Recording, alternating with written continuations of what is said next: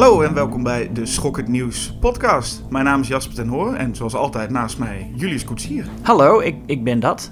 Ja, nou, die is, je, bij de podcast zit je altijd naast me, niet alsof je altijd naast mij zit. Nee, niet in het dagelijks leven. Nee, precies. Nee. Goed, ik weet niet waar dit verhaal in gaat. Erik, Hey, hallo. Erik is er ook, Erik van het Holt, welkom. Dankjewel. Nou, de luisteraars en ook de lezers van het blad, waar ik vanuit ga dat alle luisteraars ook lezers zijn van het blad, mag ik toch hopen. Die weten natuurlijk dat Erik van het Holt eh, nou ja, veel schrijft en ook veel in de podcast vertelt over filmmuziek. Yep. Ja, nou, toeval wil dat we het Ja. daar nog over gaan hebben in deze podcast. Nou, het leuk. Ja, toch? Oh, dan blijf ik zitten. Dan blijf je zitten. Ja. Mooi. Dus filmmuziek gaan we het over hebben. Ja, spannend. Ja, toch? En eh, verder gaan we, hebben we nog een column van Hedwig van Driel. We gaan nog vooruitblikken. Maar we moeten gewoon eerst maar eens beginnen met dat oude rondje... waarin we zeggen wat we gezien hebben en, en waarom in vredesnaam. Nou, eh, Julius, Nou, knal er eens in. eh, op de dag dat we dit opnemen was het gisteren Valentijnsdag. Ja? Dus ik heb gekeken naar Valentine van eh, Jamie Blanks. De, de, de horror, de slasher wel? Ja, hij ligt... Oh, misschien kun je hem even pakken, want ik vind de, ah, de tekst op de achterkant wel leuk. Zie je hem liggen? Dus, eh, die met Ik heb- Denise Richards. Ja, en ik heb die Ah. DVD eh, heb ik, eh, geleend, durf ik te zeggen. even kijken. Eh, en er staat op een ijzingwekkende horrorervaring. Hm. En ehm, nou ja, eh, eh, normaal krijg je kaartjes of bloemen met Valentijnsdag. Deze keer niet. Deze keer niet. Eh, in Valentine beschouwt een vrede seriemoordenaar zich als een dodelijke Don Juan. Daar heb je het al, hè? want Don Juan was al dodelijk. In het oorspronkelijke verhaal was Don Juan een, een verkrachter en moordenaar. Dat is al heel eng. Ja, want het wordt zo vaak gebruikt als een soort synoniem voor een Ja. charmeur of zo. Maar dat is Casanova. Don Juan is gewoon echt de schurk van, van dat Oh, verhaal. Weet je, ik wist dat eerlijk gezegd ook helemaal niet. Het komt door al die stomme films die dat verkeerd eh, representeren. Ja, nou, maar in de opera van Mozart, Don Giovanni, is het, daar is het echt duidelijk een, eh, een, een schurk. Oké, ja. Daar heb ik niet goed met hem af. Hmm. Ehm, nou goed, maar dan staat er dus een heel verhaaltje. Maar het, het- mijn favoriete citaat op deze eh, eh, DVD is eh, eh, nadat de plotsamenvatting staat er... Kortom, dit is de ultieme experience voor de liefhebbers van ultieme horror. Oh, Dus als je, als je, als je een liefhebber bent van ultieme horror, is dit gewoon ja, de, de ervaring van je leven. Niet eens de Oh. beste film die je ooit gezien hebt, maar de beste ervaring die je ooit in je leven zult hebben, is, is het kijken naar Valentine van Jamie Blanks. ik schaam me nu dat ik hem niet gezien heb. Dus. Ik, ik heb hem wel gezien, maar ik, ik heb nou, Jamie vergeten. Blanks is Ben je de... deze ervaring vergeten, Erik? Ja. Ik heb hem zelfs in de bioscoop gezien, geloof ik. Het is, nou, het is echt zo'n jaren 90 slasher, hoewel hij komt uit 2001, maar qua stijl is het nog allemaal eh, eh, eh, pre-9-11, zeg maar. Hij is wel voor 11 september gemaakt, dus dat is een beetje de cut-off. Het is dus echt zo'n zo'n eh, eh, typische jaren 90 slasher uit 2001, met ehm, eh, David Boreanaz en Denise Richards erin. Dus mensen die toen nog heel eh, eh, groot waren. En die Jamie Blanks heeft dus iets met heel ingewikkelde moordplannen. Want in Urban Legend eh, was het zo dat alle moorden plaatsvonden volgens het verhaal van een broodje aap verhaal. Me- hè, dus ook met alle, met alle toevalligheden die in die broodje aap verhalen zitten, ja. had die moordenaar ook allemaal rekening mee gehouden. En hier is de moordenaar, heeft eerst eh, eh, creepy Valentijnskaarten, die er echt gewoon uitzien als echte Valentijnskaarten. Dus heeft hij gewoon laten, laten drukken ergens, met, waarin met, met moord gedreigd wordt. Maar echt van die hele mooie illustraties waarin iemands keel doorgesneden ziet worden. En gedichtjes erbij. Dus heeft hij gewoon echt laten drukken. Ja, die kan je gewoon op internet bestellen. Of misschien toen nog niet. Kan je gewoon op internet bestellen. Nee, maar het is heel specifiek ook. Maar, nee, maar het voorspelt ook al hoe die mensen, Mensen, ja. doodgaan. En, en, en, eh, en bij eentje heeft hij ook, eh, eh, eh, stuurt hij chocolaatjes op waar levende maden in zitten. Dus heeft hij ook allemaal zitten, zitten te maken. Ja. En eh, er is zelfs een scène waarin een meisje door een, een, eh, bij, bij een expositie is met, met kunst. En dan loopt ze door een soort videokunstinstallatie.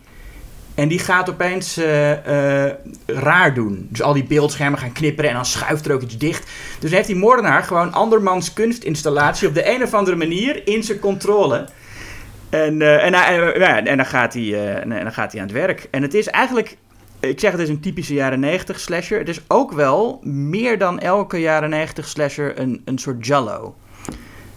En dat was Urban Legend volgens mij ook wel een beetje. Maar dit is ook echt omdat. Het gaat ook over. eh, het begint met een klein jongetje dat op een. eh, of een jongen van 12 of zo. die op een schoolfeest steeds meisjes vraagt. eh, of ze willen dansen. En die wordt telkens afgewezen.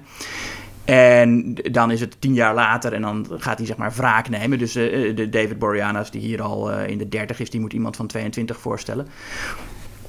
En ehm, en het zijn ook wel best wel leuk bedachte setpieces. Eh, hoewel ze qua uitvoering altijd een beetje tegenvallen. Het is niet, niet heel bloederig. En je denkt altijd van, nou, Jamie Blanks had toch net iets meer in. Het was een heel leuk concept, maar er had gewoon wat meer in gezeten in dit, eh, in, in, in, de, in dit setpiece. Ehm, maar wat ik, ja, het is echt, ik vond het echt eh, meer, veel meer een Jallo dan ik me herinnerde. Want de laatste keer dat ik hem zag was toen hij uitkwam. Toen ik ook eh 12 was of zo. Ehm, maar ja, Valentine. Ik heb nu nog eigenlijk geen idee waar je er nou van vond. Nou, dat zeg ik. Ik vond hem. Ik vond hem. Ik vond hem het is een leuk nostal. Het is geen goede film. Maar het is een leuk nostalgische eh, slasher. En het is weet je, je hebt mensen die houden heel erg van Friday the 13th en Halloween. Zijn echt fans van die serie. Maar die zeggen dan van, oh, maar in de jaren 90 dingen, Urban Legend en Valentine is allemaal, is allemaal, is allemaal wack, is allemaal stom. En ik van ja, nee, maar dat, dat is gewoon hetzelfde niveau. Ik bedoel, de meeste slashers uit de jaren 80 zijn echt niet beter dan de gemiddelde slasher uit de jaren 90. En nu het allemaal zo ver achter ons ligt, is dat ook een makkelijker oordeel om te maken. Ik denk zelf dat kinderen die nu, of kinderen, tieners die nu die films kijken, als, als dat nog gebeurt, weet ik eigenlijk niet, maar als, als, als deze films af en toe op Netflix verschijnen, die zullen dat misschien wel als een soortzelfde groep zien. Van jaren 80, jaren 90. Ja, dat is allemaal, Ja. allemaal vroeger. Zoals wij nu wel eens denken van oh, jaren 80, jaren 70. Loopt een beetje in elkaar over. Als je ook wel mensen hebben die denken... Friday the 13th en Scream, dat is een beetje dezelfde periode. Ja, en bij, de, en bij de jaren 90 slash komt nu natuurlijk, of inmiddels is ook die nostalgie er al wel weer, toch? Dat de Ja. mensen echt over I Know What You Did Last Summer en Scream praten. Van, oh, ik weet toen ik als kind dat voor het eerst zag. Dus dan krijg je dat ook wel weer. Heb je, heb je het, oh, ik zie nu, heb je het audiocommentaar met eh, regisseur Jamie Blanks nou ook gezien? Nee, daar heb ik wel zin in. Ja, dat snap ik. Ja.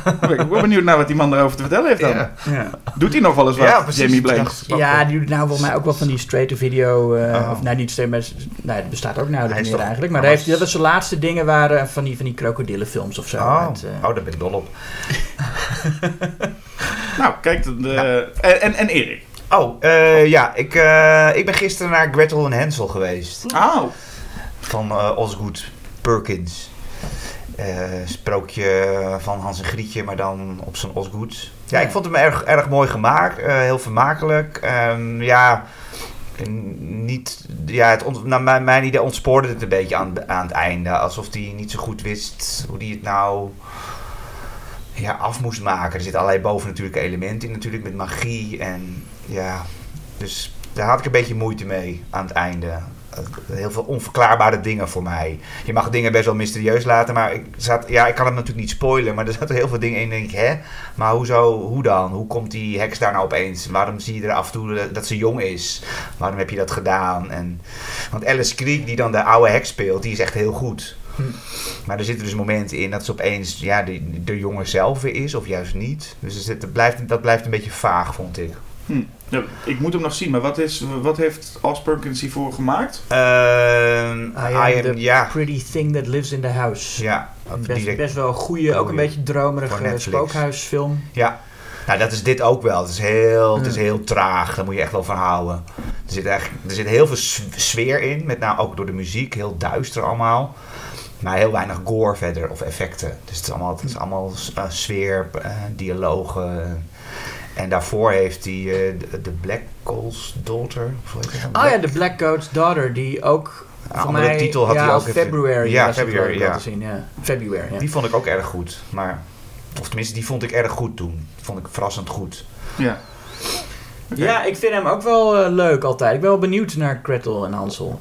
Ja, Nee, dus hij wel, wel geslaagd op zich, maar ik vond het een beetje aan, tot aan op het einde. Dus ja, misschien moet ik nog een keer gaan kijken of zo, dat ik het eh, bepaalde dingen niet helemaal heb meegekregen. Het is heel, het is een hele kleine film, dus eh, het is ook niet helemaal duidelijk waar, wanneer het zich precies nou afspeelt. Het, het- het doet denken aan van eh, ergens in de late middeleeuwen, maar dan het jongetje draagt dan volgens mij wel weer een soort basketbalpet. En als je het huisje van die heks Oh. ziet, dan ziet het er vrij modern uit eh, dat qua wel eh, aan de buitenkant, maar dan wel allemaal van hout en zo. Dus dat is. Ja, Dat is geeft het de- een beetje raar, ook een beetje. Dat draagt wel bij aan de sfeer. Dat je denkt, hé, maar wat is nou precies de bedoeling? Het is echt Ja. once upon a time, inderdaad. Want dat is inderdaad dat is bij, bij de illustraties die bij die sprookjes staan vaak ook zo. Ja. Dat het allemaal dingen uit verschillende tijden en dat is dan allemaal lang geleden. Ja, precies. Maar- Dat is het ook gewoon eh, ergens lang geleden. Ja. Dus dat vond ik eigenlijk juist wel leuk ook, inderdaad. Is het ook veelal het, het sprookje gewoon in, in heel veel letterlijke dingen ook? Ja, Ja, hij volgt. Ja, er zitten wel inderdaad. De Gretel staat ni- nu niet, niet voor niets voor aan. Zij is wel de, de hoofdpersoon. Sophia En- Lillis, toch? Ja, vanuit uh, It zat ze toch in. ja. Ja. die speelt het ook heel goed.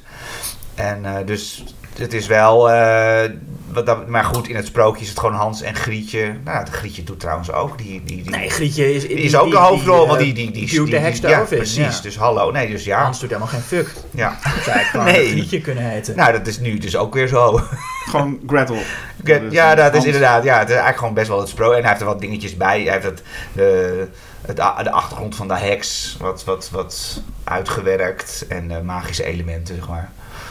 Dus, nou, en het is ook niet, het is niet, niet dat die film nu opeens 2,5 uur duurt. Of een hele trilogie ervan gemaakt heeft. Ik noem geen naam omdat het de Hobbit is. maar gewoon, het is gewoon net, net anderhalf uur. Dat is precies goed, zeg maar. Ja. Ja. Ja. Maar het is dus een modern huis van snoep. Nee, het ziet er elkaar design een beetje modern uit als, je, als ze voor het eerst bij het huis komen. Het is, het is niet, het is dat je denkt, oh wauw. het is niet een huisje inderdaad met van peperkoek met een strooien dak of zo. Ik, zeg- het ziet Nee, dat is het enige vrij, aan denken. de buitenkant vrij strak vormgegeven. En aan, aan de binnenkant is het dan wel weer heel mooi oude, ouderwets. En, eh, Oké. ja. Ja, en het is ja, een bijzonder beeldformaat. Het is niet zo heel breed beeld. En hij heeft, hij, film, hij heeft het ook heel mooi gefilmd. Heel veel in het midden, heel gecentreerd Oh. ook. En symmetrie, veel symmetrie. Dus Hmm. het is ook eh, eigenlijk daarom alleen al de moeite van het bekijken waard. Oké, nu komt de kennisvraag. Eh, wie deed de muziek? Eh, ja, ik weet niet. Rob of ROB, dat is eh, Robin Cou- Coubert, Coudert, een Fransman. En die heeft, ik herkende het meteen. dat leidde me een beetje af. Ik denk, hoorde ik nou Maniac? Hij heeft dus de remake van Maniac gedaan. Ah. Die heb ik de vorige keer nog in de column laten horen. Dat is een van mijn favoriete soundtracks van de afgelopen tien jaar, elektronisch. En de, hij heeft een hele, dit is een mix van orkest en elektronisch. Veel sfeer, dus veel underscore, maar er zit ook een heel mooi hoofdthemaatje in. Dus dat is wel, ik vond het wel gaaf. Ja. Oké, nou, over die muziek straks, eh, Ja. straks meer, hè? Ongetwijfeld. Ja. Jasper, Ja. wat Oh ja. heb jij eh, heb ik gezien, gezien? En, en waarom? En waarom? Eh, nou, ik dacht dus dat ik eh, Godzilla wel kende. Niet persoonlijk, maar gewoon dat ik het, het monster wel kende. Hè? Gewoon een beetje een, een kindvriendelijk monster dat karate trappen uitdeelt tegen, tegen andere Ja. mannen in monsterpakken. Dat is een beetje wat ik kende van Godzilla. In heel veel van die Ja, die Ja, Japanse ja. films. Godzilla versus eh bla bla monster. Ja. Bla bla. Alleen ik had dus nog nooit eh, de originele Godzilla uit 54 gezien. Oh, Ja, Dus dan ga oké. ik die maar eens kijken. En dan krijg je toch een hele andere soort film Ja. dan je Ja. op dat moment verwacht van Geen karate ki- kicks. Geen karate kicks. Godzilla is gewoon echt een, echt een monster. En eh, het is, het is, het, de knulligheid is er bijna niet. Het is een klein beetje, maar het is over het algemeen een, een, een vrij, vrij ernstige film ook Ja. gewoon. En dat had ik niet verwacht. Ja, nee, maar het is ook echt, het gaat direct over de bombardementen in, eh, in Japan tijdens de Tweede Wereldoorlog. Ja, maar ik, weet- ik bedoel, ik had daarvoor had ik wel, eh, en dat is volgens mij de derde Godzilla film, met, dat hij meteen met King Kong gaat vechten. Ja, nee, maar die is echt heel maf. Die is heel maf, Ja. dus Ja. ik had ook meer zoiets van, ik heb de tweede dus nog niet gezien, maar er moet ergens een soort van overgangsfase zijn geweest. Nee, volgens mij is dat niet echt. Volgens mij is het toch meteen maf. Gewoon, we hebben Godzilla en we- daarna we, ja, we, we, hebben Dat nou onze, onze Hiroshima Nagasaki eh, Ja. eh, film gemaakt. En nu, En nu gaan we gewoon... Ja, en het feit dat het is dus in, in, in zwart-wit, dat helpt de film ook enorm. Het is een, een, een nachtscène waar, waar. Godzilla gaat aanvallen. Eh, Godzilla is ook gewoon echt een, een lul, want die, die, die walst overal doorheen. Ja, dat doe je toch niet? Nee. Nee, maar hij Je stapt loopt ook toch even om. Ja, maar of, of stapt er over, over een trein heen. Maar nee hoor, ban je het er Ja, gewoon kan- doorheen. Kan, hem allemaal niks schelen. En, en, en dan krijg je inderdaad dus ook, ook ziekenhuisshots met huilende kinderen en dergelijke. Dat je denkt, oh, dit- en dit moet een kin- kindervriendelijke monster worden waar iedereen straks Ja, naar... maar dat, naar- ik heb laatst King Kong, eh, Godzilla vs. King Kong ook eh, opnieuw gezien. Maar daar banjert hij ook nog steeds overal doorheen hoor. Ook een treintje en...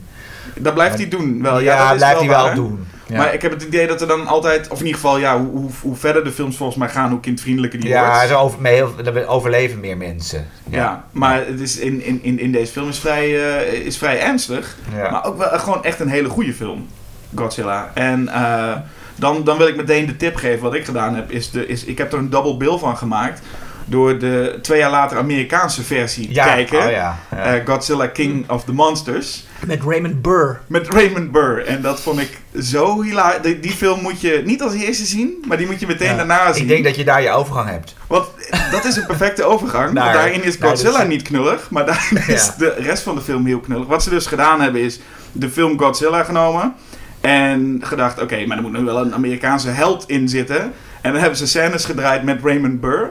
Die in elk shot op dezelfde stoïcijnse manier tussen een paar figurante Japanse mensen staat. Toe te kijken naar scènes uit de film. Alsof hij erbij staat. Maar hij staat, of hij nou bij een vergadering bijwoont of een ge- reuszager die zijn stad ziet voesten. Hij staat de hele tijd daar met dezelfde blik daarnaar te kijken. En dat wordt op een ja, enorm geestige manier gedaan. En ook hoe, hoe ze dan toch interactie willen met hem en de hoofdpersonages uit die oude film. Ja. Dus die zie je dan Ja, ja. een soort van soort, eh, zie je aankomen lopen en vervolgens zie je het achterhoofd met Raymond Burr praten. En dat, dat ja, het is, het is hilarisch. Op een gegeven moment belt hij met iemand die, die dan uit de oude film dus reageert, of de eerste film reageert met van, oh ja, die, volgens mij hoort hij een deurbel in, in, de, in de echte film. Hmm. En vervolgens zie je zo'n zijwaarts shot met allemaal eh, laboratoriumspullen ervoor. En dan zie je hem zo zijn hand voor zijn gezicht houden terwijl hij belt. Eh, om maar te doen alsof die eh, Raymond Burke echt contact heeft gehad met iemand uit die film. En dat is, ja, ik, ik kan me ergens nog wel voorstellen. Sommige dingen zijn nog redelijk slim gedaan. Dat als je deze film als eerste zou zien, zou je het misschien niet eens 100% zien. Maar het is heel leuk om ze achter elkaar te kijken. ja. Die Godzilla King of Monsters, ja, het is verder niet echt aan te raden. Maar zeker als je net na de echte Godzilla hebt gezien en je ziet hoe dat verhaal... Ja, eigenlijk... op een gegeven moment is het ook zo dat heel veel... Ze praten nog eh, Engels, de, de, de Japanse mensen krijgen een soort voice-over. Sommigen dan niet. En dan staat Raymond Burr daar naast een, een Japanse man die zegt... Uh, my Japanese is a little rusty. What are they saying? dan moet het even vertaald worden. Dus, maar ja, dat vond ik Leuk. een hilarisch leuk... eh, leuk, Ja, leuk- ik heb, ik heb de, King Kong versus Godzilla is precies hetzelfde. Ik heb ook alleen maar de Amerikaanse versie. Die er is twee iets beter van. gedaan. Maar het is ook, ja, heel knullig wordt het daardoor. Nog knulliger inderdaad. Ja, en ik ken het fenomeen eigenlijk ook niet verder heel veel. Dat er in heel veel andere films gedaan wordt waar er ineens een andere. Ik bedoel ja, dat. eh, eh, Eh, je had- bijgefilmd, ja. toen wij eh, jong waren, was de Power Rangers op tv. Ja, toen ik ja, was. Ja, dat is een goed voorbeeld. En ja, dat ja. is gewoon al die vechtscènes waar ze in die pakken zitten, komt uit een Japan. Japanse serie. Ja. En alle scènes waarin ze tieners op een high school zijn, ze komen uit, eh, zijn in Ja. Amerika opgenomen. Ja, En je had wel films, ook die, al die, heel veel van die peplumfilms uit Italië, die eh, z- zwaard- en sandalenfilms, die werden ook in Amerika uitgebracht en dan opnieuw gemonteerd. Ah, ja. Gedubt natuurlijk en ook vaak met nieuwe muziek eronder. Dus dat, dat deden ze dan wel. Maar inderdaad, zo ver gaan om dat ze nieuwe scènes opnemen en die ertussen zetten, dat is... nou, ik zou het stiekem nu wel eens Ja. willen zien van een Japanse film of zo, waar er dan ineens Ik, gewoon ik een zie Amerikaan Corman er wel voor Ja, aan dat hij je- dat een paar keer gedaan Heeft hij dat ook niet gedaan? Een keer met zo'n Russische film? Misschien Oh, nou dat is het zou- ja, ja, ik een van dat- Russische film opgekocht en daar Amerikaanse acteurs tussen geplakt. dan zijn het meestal, als je Corman of zo, die zal het vaak gedaan hebben onder van films die nooit überhaupt uitgekomen zijn. Nee. Of, of, of En hij deed met zijn eigen films natuurlijk. Gewoon voor Ja. Space Raiders, Ja. of hoe heet dat ding? Daar zitten alle ruimteschepen komen uit eh, Battle Beyond the Stars. Ja, Nou, precies. Het, het, het recyclen kan wel, Het maar het, het, het feit dat Het je dus inderdaad echt een, Een grote verhaallijn film... toevoegt. Ja, Eigenlijk. gewoon Dat je dat nu zou doen, dat je zo'n grote film pakt uit, Ja. uit Japan of zo en dan nu, en dan nu dat zou echt niet kunnen. Ja. Nou ja, ik, ik kan als, je, als je bijvoorbeeld Parasite eh, eh, met eh, Henry Cavill, die dan tussendoor af en toe even komt van, eh, oh nou, Ja. Ja, en dan inderdaad alleen maar puur dat iedere keer als er wat gebeurt en dan Henry Cavill tegen de muur die dat het zo een beetje kijkt. En dan, Ja. ja. Commentaar levert En erop. een beetje commentaar leveren van, nou, dat is ook wat wat hier gebeurt. wat, wat zijn jullie nou aan het doen? Ja, Nou, dat vind ik geen goed idee hoor, jongens. Misschien. Nou, jullie doen het toch, zie ik. Oh, nou ja, ga, ga dan maar door. ja. Dus een, een leuke dubbelbeeld, Ja. eigenlijk best wel aan te raden om, om, dat als dubbelbeeld te zien. En anders, als je daar geen zin in hebt, de eerste Godzilla maar zien, want dat was ik eh, heel blij verrast over. Ja, is een, een goede film. Ja. En, en, en, goede muziek. Ja. Ja. weet, ik, weet ik niet. Ja, we hadden Jawel, goede muziek. ja, die thema, Ik wou een is wel- bruggetje dat- maken, maar- Dat thema is echt wel eh, fantastisch. Dat Ja. heeft, heeft eh, Bear McGarry voor die nieuwe Godzilla film die dit jaar uitkwam ook weer gerecycled. Oh. Ja, Nou, ik vind vooral de, de, de, de, de sound effects. Ik bedoel, de, de schreeuw van Godzilla Ja. is, eh, is legendarisch. Je hoort die, hele, die, Ja. die voetstappen. Die ook heel erg hoort als hij onder water is. Dus dat, dat, maar, maar Ja, maar dat klopt wel. In water, in, in water hoor je geluid toch beter? Dat gaat het sneller. Dus dat kan, dat kan wel. Ja? Je, Ja. je hoort voetstappen in, in water. Ja, als je onder water bent, kan je, Als je zelf Nee, maar- onder water zelf bent. onder water. Oh nee, maar hij, dan komt niet. Vanuit, hij komt vanuit het water en dan hoor je nog wel die voetstappen Dat is raar. Ja. Dat is raar. Maar het, het werkte wel alsnog. Oké, ja. dus, eh hey, maar bruggetje muziek. Laten we het over muziek gaan hebben anders.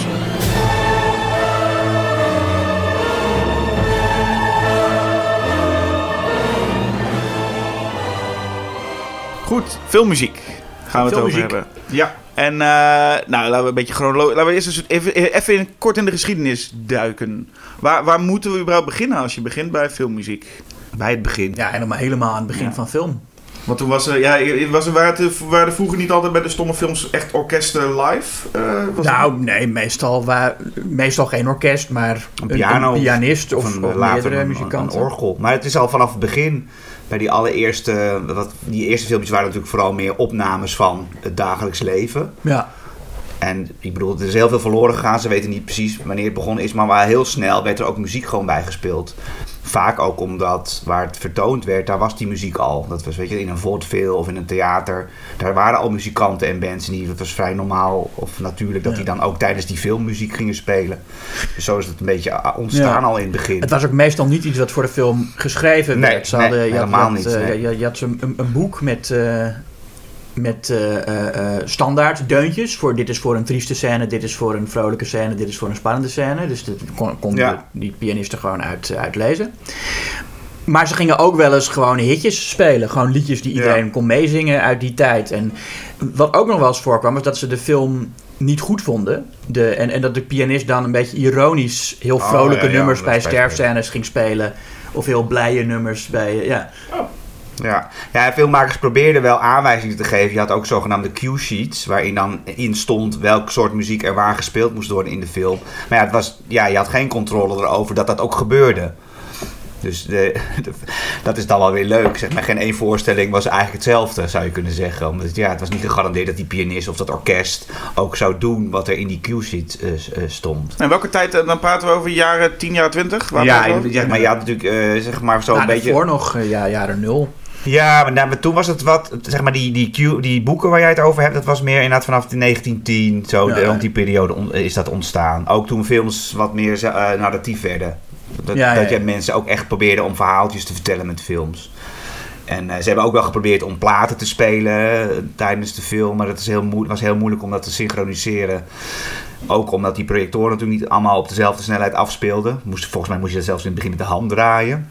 En als je dan een, een, een, plaat ernaast hebt draaien, is het heel moeilijk om dat synchroon te krijgen. Dus dat soort, dat soort acties om eh, geluid eh, eh, voor opgenomen muziek ernaast te spelen, dat werd al heel snel opgegeven. Ja, wat we net voorbesproken. Jij, jij noemde net ook al King Kong. Want Ja. is, is het niet zo dat... eh, Is dat een van de eerste echte soundtracks? King Kong? Nee, van? zeker niet. Nee, dat, dit is een beetje een gemakzuchtig beginpunt van de moderne soundtrack, zeg maar. Dus eh, sowieso, de zwijgende film is echt een beetje een aparte periode. eh, omdat muziek, ja, had min of meer dezelfde rol, maar ja, hoe het uitgevoerd werd is heel anders. Er is ook, ja, er is ook weinig van bewaard gebleven. Er werd wel speciaal gecomponeerd voor film, hoor. Maar wat zoals we het nu kennen... Zoals de soundtrack nu is, dat begon eigenlijk pas met, eh, met de komst van de geluidsfilm. Om... Je had wel een paar die echt voor Birth of a Nation... Ja, ja, je had ze wel. Echt, maar dat was, Maar ook dat was echt meer een- uitzondering, een- zeg maar. Ja, precies. Maar dat was dan echt, dan ging je ook naar een concert eigenlijk. Ja. Want- Want de naam van de componist stond groter op die poster van Birth of a Nation dan Ja. eh, de filmtitel. Precies. Dus mensen gingen echt kijken naar het, een concert met een film erbij. Ja, maar dat was, dat was meer uitzondering. En pas toen men in staat was om eh, geluid en muziek op de film, eh, op het celluloid te zetten, zeg maar dat je gesynchroniseerd, werd het ook wat meer gestandaardiseerd. En King Kong is in die zin, wordt beschouwd als vaak als de eerste moderne soundtrack, omdat en Max Steiner, die, die, die gebruikte technieken, die werden overgenomen, zoals eh, het gebruik van het eh, leidmotief, wat hij weer afgekeken had van Wagner. En, ehm, maar, en wat ook heel erg meespeelt, is die film was gewoon een heel groot succes. dus Ja. dat Ja, maakte daarvoor- dat, dat die gewoon nageaapt werd. Dat, letterlijk. Hey, hey, goeie ja, pun intended. dus vandaar dat Ja. ja. Ja, want daarvoor had je nog... Bij de allereerste geluidsfilms was er meestal geen muziek. Omdat, want ja, ze, ze praten in de film. Dus het zou eigenlijk ook... eh, hè, waar, waarom zou je er nog muziek eh, eh, bij doen? Eigenlijk alleen tijdens de openingstitels... eh, en dan was het bij horrorfilms heel vaak eh, eh, het Zwanenmeer van Ja. Tchaikovsky. ja en dat, de, de Dracula. Dracula was de eerste die ermee begon, maar dat was toen zo'n succes dat ze dat, dat stuk, de zonsopgang is het geloof ik. Dat, dat, eh, Ja.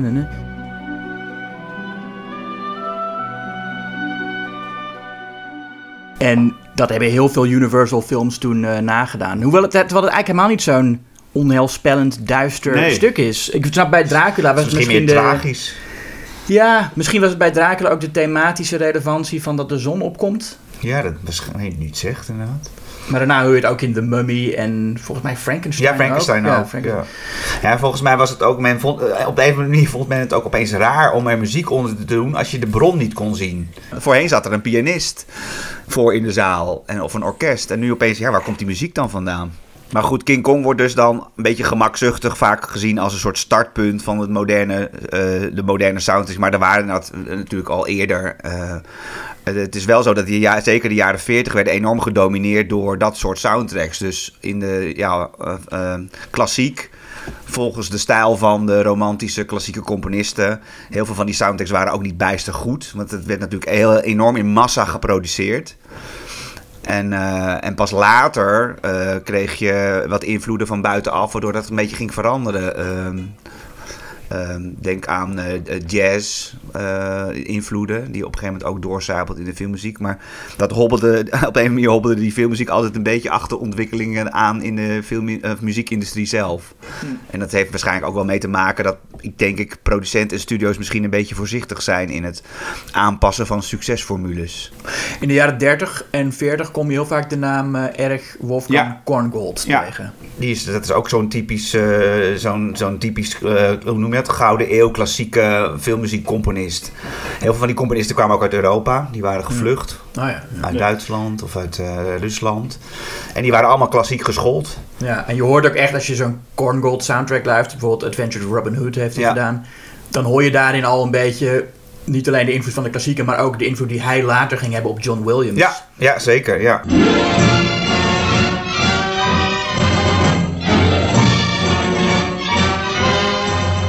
Wat was voor jou, Erik, dan, eh, weet je nog, de, de muziek, de soundtrack waarvan je dacht, hey, hier ga ik nu, nu ben ik, ik ben liefhebber. Of ik ga hier- Nou ja, dat, eh, Julius zei het al, dat was voor mij John Williams. Ik John ben- Williams was ja. het grote, ja? Ja, ik ben echt zo'n Star Wars kind. Eh, dat vond ik, ik- door de Star Wars ben ik naar die muziek gaan luisteren. En dat was dus ook een van de eerste sound, nee, de eerste soundtrack die ik had was van Star Wars. En eh, door hem, ja, door die muziek ben ik meer, ja, ben ik verder gaan luisteren en, en me ook gaan interesseren voor andere componisten. Maar het, het is allemaal begonnen met John Williams. Inderdaad, die hele toegankelijke muziek voor Star Wars. Ja, want die muziek van Star Wars komt ook bij, toen ik even ging researchen, ook bij heel veel lijsten ook gewoon bovenaan als Ja. beste soundtrack. Ja. Alle tijden wordt hij heel vaak aangehaald. ja. John Williams stond voor Star Wars. Hij had wel wat orkestrale dingen geschreven hoor, ook voor rampenfilms en zo. Maar hij stond vooral meer bekend als een jazzcomponist, jazzmuzikant. Dat lichtere werk. Star Wars was van John Williams dus een beetje uitzonderlijk. eh, omdat hij nog nooit zoiets gedaan had met een heel groot orkest op die manier. En eh, hij vond het in het begin ook wel spannend of dat wel zou lukken. Heb je dan ook enig idee waarom John Williams eigenlijk gevraagd werd voor Star Wars? Goh, dat is een goeie. Nee, dat weet ik eigenlijk niet. Dat was ongetwijfeld via Spielberg, denk ik. Want eh, Lucas en Spielberg waren vrienden. En, eh, en Spielberg had al samengewerkt met Williams. Dus ik denk dat het op die manier eh, gegaan is. Oké. Ja. Ja. Spielberg heeft Lucas ook enorm gesteund tijdens die periode van Star Wars en zo. Dat ging allemaal geloof ik niet van een leien dakje. Maar goed, dat is een verhaal voor een andere podcast. Al voor een andere keer. Ja. Ja. Maar goed, ik bedoel, hij had, hij had Jaws al ge- gemaakt. Ja, ja klopt. Ja, en uh, Sugarland Express. Dus, dus hij zei, die werkte al samen. Ja. Ja. Maar ja, voor mij is het dus allemaal begonnen met Williams. En vanuit daar ben ik verder gaan luisteren en kijken. En toen kwam ik al heel snel, kom je dan op Jerry Goldsmith. Dat is zo'n beetje zo'n tijdgenoot van eh, Williams. ja. Eh, die Omen is een van de eerste soundtracks die ik van hem gehoord heb. Dat was ik, dat was ik echt heel erg van onder de indruk. Oh, ja. Ja, want als we even bij John Williams zijn, want daar kom je sowieso Ja. natuurlijk makkelijk op. Dan heb je, heb je, je hebt Star Wars, je hebt Indiana Jones, Ja. Jurassic Park. Nou, Jaws noemde je al. Superman, Harry Potter. Ja. Gewoon allemaal ook gewoon vrij, eh, nou ja, herkenbare, bijna melodietjes waar iedereen meteen weet. Ja. Oh, dat is dat. Dat, dat is ook iets wat bijvoorbeeld Spielberg heel graag wilde. Die wilde graag eh, de eh, melodietjes die je dan zou fluiten als je weer naar buiten liep. Zonder dat je precies wist waarom. Ja. Dat het toch een soort in je hoofd bleef hangen. En daar, was, daar is eh, Williams heel goed in. Ja, nou wou ik zeggen, want Ja. dat zit in indie films, zoals Jurassic Park of Star Wars, zitten zelfs meerdere Ja, eh, eh, ja, melodieën klopt, die gewoon eigenlijk, dat je bijna in je hoofd nog zit van, welke ga ik nou vooral in mijn hoofd houden te fluiten? precies. Ja, ja. Dus daar is John Williams wel ook echt een, eh, een, Ja. een, een, een koning in, toch? Ja, klopt. En het, het- maar het- het- het- dat is ook deels dus door Spielberg die graag wilde dat dat gebeurt. Ja, en bij Superman natuurlijk niet. Maar goed, als je, als je dus als regisseur iemand wil eh, die dat soort muziek eh, kon componeren, dan kwam je heel snel bij John Williams terecht. Ik bedoel, andere componisten zouden, kunnen het ook prima hoor.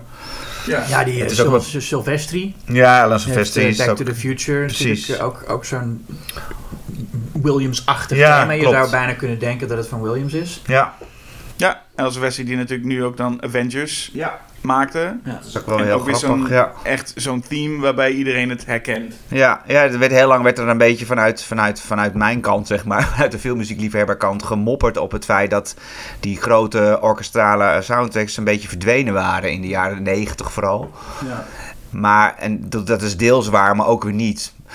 En toen Marvel dus op een gegeven moment, die, in het begin wisten ze niet zo goed aan, wisten ze geloof ik niet zo goed wat ze nou met die soundtracks aan moesten. Dus het was een beetje een rommeltje, een chaos in het begin. Maar op een gegeven moment eh durft, ja, hebben ze inderdaad Alan Silvestri, Brian Tyler en zo ingehuurd om toch wel weer van die ouderwetse soundtracks met thema's eh, te componeren. Volgens mij heeft Hans Zimmer wel de meest eh, eh, invloedrijke daarvan geschreven voor Pirates of the Caribbean. Ja, ik, ik heb het nu over Marvel. Maar ja, Oh, Hans, Marvel, Zimmer ja. is, ja, Hans Zimmer is een enorme belangrijke componist van de, van de, ja, van de, sinds de jaren negentig. Ja. Dus een heel groot stempel gedrukt. En mensen denken Ja. nu eigenlijk alleen maar aan, de, of de meeste mensen zouden nu denken aan de Boam als je aan hem denkt. Ja. Maar dat thema van Pirates, dat hoor je ook als ik onder het Rijksdoor fiets, het Rijksmuseum, Ja. wat ik regelmatig eh, sta. Daar is heel goede akoestiek. Het is een soort overdekt stukje fietspad. Ja. Met heel goede eh, akoestiek. En daar staat heel vaak van die straatmuzikanten met, met, met violen en, eh, en zo te spelen.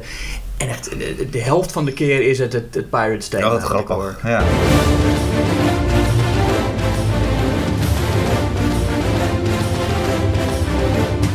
Ook wel weer geestig dat dus die eerste Pirates of the Caribbean Hans Zimmer niet eens op de Nee. credits staat. Dus dan Klaus, Klaus eh, Badelt, Klaus ja. Badelt. ja, Dus dat, en, en toen kwamen we dat te vervolgen en toen toen heeft hij het werd alweer Hans Zimmer, overgenomen. eh, nam het over. Maar het- dus de vraag is ook een beetje hoeveel is van Oh, Hans Zimmer van die eerste Hij Pirates? heeft dat niet geschreven, Nee. thema? Nou, hij, heeft- hij Oh, volgens mij is er wel nee. bij betrokken Oh. geweest. Ja, er staat, als je goed leest, staat er overgeproduceerd door Hans Zimmer. Staat er dan. ja. Oh, dan Nee, Hans me. Zimmer heeft Nee, natuurlijk die, heeft die, die, die filmmuziekfabriek van hem, dat bedrijf. En heel Ja, veel dus- componisten gaan bij hem in de leer. En die, die, die Dus componeren eerst in zijn stijl, zeg maar, een beetje. je zou bijna nog wel het punt kunnen maken dat de eerste Pirates ook een, een, een. Hans Zimmer soundtrack is. Maar de, de naam die erbij staat is van Klaus Badelt. Ja, nou, is eigenlijk dat bedrijf van Hans Zimmer, dat is eigenlijk weer heel ouderwets. Dat, dat grijpt weer terug op wat ze in de jaren 40 dus ook deden. Heel veel componisten die samen aan één soundtrack eigenlijk werken. Dat is eigenlijk wat hij ook weer gedaan, gedaan heeft. En zijn, zijn sound heeft natuurlijk een hele belangrijke stempel gedrukt, met name op actiefilms. En, eh, maar je ziet wel dat hij, na een tijdje, eh, hij is daar wel goed in. Mensen kunnen bij hem in de leer. En die, maar die krijgen al heel snel ruimte om hun eigen stijl te ontwikkelen. En die vliegen dan op een gegeven moment weer uit. Denk bijvoorbeeld aan John Powell of zo. En eh, Tom Holkenburg is ook bij hem in de heeft ook bij hem, is voor hem gewerkt. Ja. En die ontwikkelen daarna toch wel hun eigen stijl. Maar je hebt dus, ja, op een gegeven moment had je wel een soort overkill aan Hans Zimmer eh, sound, zeg maar. in, Ja. Met name in actiefilms. Ja, dat, Wat je er ook verder van vindt. Nee, maar dan hoor je hem inderdaad op een gegeven Ja. moment dat iemand echt het gaat aantonen als zijnde dit, dit is een Hans Ja. Zimmertje. Beetje zeg maar wat John, eh, John Williams deed, eh, heeft veroorzaakt met Star Wars. Dat dat opeens weer beetje in- inkwam, zo'n groot orkest, voor, met name voor science fiction en fantasy. Ja. Daar heeft, ja, kan je zeggen, daar heeft Hans Zimmer dat gedaan toen in de jaren negentig, met name voor actiefilms. En dat, Ja. dat als een soort olievlek breidde zich dat uit. En ja, wat, wat er in Hollywood ook vaak gewoon gebeurt, is wat er met na, net als bij King Kong, weet je wel, succes, dat zorgt ervoor dat iets ja, nageaapt wordt. Dat is natuurlijk met Hans Zimmer ook. Als je een paar goede actiefilms hebt met die sound erin, dan willen producenten en regisseurs willen dan ook die muziek in hun film. Ja. Nou, en dat is iets wat natuurlijk Hans in de jaren 90 actiefilms, maar ook eh, nu een beetje meer de Christopher Nolan films, wat jij ook Ja. al noemde, eh, Julius, van de, de trailer, de Ja, die Inception. de, Doom, zo, de, de Horns of Doom. eh. Ja, ja. dat, dat geluid trouwens in Inception volgens mij alleen maar bij aan het einde te horen is. Het zit in de trailer, maar in Ja, de het is film... het eh, vertraagde eerste twee noten van eh, dat eh non regret rien. Ja. Van, eh, dat is die, en Oh, dat ja. wordt natuurlijk vertraagd, want zij gebruiken dat toch als een signaal om weer wakker te worden of Ja, zo in ja, ja. film, dat lied. Ja. En daar komt het vandaan. Dus heel, het is heel goed, heel goed bedacht door Hans Zimmer. Ja. En, ja, en dat is op een gegeven moment zat het geloof ik in iedere trailer wel zo'n beetje. Het is Ja. natuurlijk zo'n heel mooi dreigend geluid. Als je tegen je trailer spannend wil maken, wop, zet Ja. je dat eronder. Ja. Ja, dat is al bijna een, een, een ding op zich, de muziek in trailers. Dat zijn ook, daar zie je ook echt Oh, zodanig trends dat, dat Ja. dan iedereen gaat gebruiken. Oh god, zo'n zo'n Ja. zo'n- zo'n bekend popliedje, Ja. heel traag en Dat melancholisch. Ja. Dat is nu volgens mij toch vooral de laatste jaren. een is paar Ja. jaar geleden was dat heel... eh, Ja, dat, oh, dat klopt. Ja, ja. ja Ja, daar dat- zou je ook een hele podcast over kunnen maken. Over trailermuziek, inderdaad. Ja. Ik heb even nog een ander paar dingen over wat hij deed. Ja, Gladiator, True Romance. Hans Zimmer Ja. heeft wat dat betreft best wel wat, eh, ja, ja. wat interessante dingen En hij is, ook, eh, eh, hij is ook veel gevarieerder dan vaak mensen beweren. Want hij, kan, hij, hij, hij wordt vaak geassocieerd met de, de wall of sound. Dus dat is weet je, een orkest, synthesizer die allemaal hetzelfde deuntje spelen. Waardoor er nauwelijks nuance is. En dat klopt wel. Maar dat was voornamelijk voor die actiefilms. Maar hij heeft ook heel veel andere muziek. heel kleinschalig. Hij, hij, is, hij komt uit een heel andere hoek. Hij is niet klassiek geschoold. En eh, hij gebruikt vaak hele simpele melodietjes. Maar hij, ja, hij benadert een film ook denk ik heel anders. Volgens mij kijkt hij heel goed naar wat heeft de film nodig en wat wil de regisseur. En zichzelf niet op de voorgrond willen plaatsen. Ja. Je kan je soms afvragen dat er met een aantal van die componisten in de jaren 40, wat jij net al zei, dat zo'n componist bovenaan stond bij Birth of a Nation. Ja, dat zou nou echt niet meer kunnen, bijvoorbeeld. Het gaat nu echt, de muziek moet in dienst staan van de film. Ja. Wat ik wel dus, dus als we het hadden over Alan Silvestri, Ja. dat ik eh, hoorde van, van Endgame vooral. Dan heb je de eh, Endgame, niet te veel spoiler, maar er is een grote scène aan het einde waar iedereen het ook over heeft. Van dat is een meest epic moment voor, voor nou, in die 22 Marvel films. Dat ze ook non-stop zeiden, die scène werkte eigenlijk niet heel goed tot Alan Silvestri erbij kwam. Oh ja. En tot zijn muziek erbij kwam, toen ging de scène pas iets doen. En dat Ja, hoor je ja, ja. natuurlijk wel vaak dat soms de muziek zo belangrijk is. Ja, dat klopt. Maar er die staat, muziek- die muziek staat, ik bedoel, meer, die muziek staat dus wel in dienst dan van de film. Ja, maar de, de, het belang is soms best wel groot. Ja, dat je kan. inderdaad echt kan voelen van... Ik, ik heb Ja. wel eens iemand een statement horen maken. Dat zei van als de muziek van John Williams niet bij Star Wars zat... was Star Wars nooit zo'n hit geweest. Nee, heeft dat 100%? klopt. Nee, dat zegt Lucas ook. Maar andersom moet het beeldmateriaal, het materiaal moet ook wel goed genoeg zijn. Want je kan een slechte film niet goed maken met muziek. Hooguit iets minder slecht. Maar ik denk dat je een, een redelijke, een redelijk goede film wel heel goed kan maken met de juiste muziek eronder. We zitten nou al helemaal in, Ja. de, in de 21ste eeuw. Eeuw, terwijl ja. we, nog, we hebben er behoorlijk wat overgeslagen. Ja. Nou ja, dat moet ik maar even. Ja, Maar, Wat eh, hebben we overgeslagen? Nou ja, Jaren eh, 50, 60. Ja, laten we zeggen Bernard Herrmann. Laten we daar Ja. beginnen. Nou, we hebben in, in het begin, straks hebben we al een beetje een aanzetje gemaakt. Dat ik zei van, nou, in de jaren 50 kreeg je ook wel weer andere invloeden dan alleen dat klassieke, die klassieke muziek. Dus denk aan jazz. Ja. Maar, en ook elektronische muziek begon men mee te experimenteren. Een van de eerste die dat deed was Miklos Rosa. Die, die zette de termin in, in eh, als aanvulling op het orkest. En je kreeg, wat jij en ja, dat over Bernard Herrmann, die, die, die, die ging ook experimenteren. Die bleef nog wel een beetje vaak in dat klassieke, ja, in die klassieke stijl, maar die ging eh, een andere samenstelling eh, eh, gebruiken van het orkest. Dus eh, een heel beroemd voorbeeld is Psycho met alleen maar violen. En dan die violen op zo'n manier gebruiken dat ze dus, eh, dat ze dus eh, ja, eh, niet romantische gevoel oproepen, maar juist als een soort gillende, eh, hoe noem je dat? Ja, gillend geluid gebruikt werden om angst aan te jagen. Ja, dat was een scène die Hitchcock eigenlijk zonder muziek Ja, wilde Dat is ook zo'n beroemd verhaal. Ja, ja. En toen had Bernard Herrmann dat geschreven en toen dacht Hitchcock, oh nou, maar doen we het maar zo. nu moet het wel. Ja. Eh, dat is echt waar de muziek ook echt die scène overneemt. Je kan je het Ja. niet voorstellen zonder... En, en- Nee, en, precies. En, en die Ja. eh, hyperactieve montage, montage ook. Ja. ja, dat is Ehm, wel een mooi voorbeeld van zo'n samenspel tussen montage, beeld en muziek.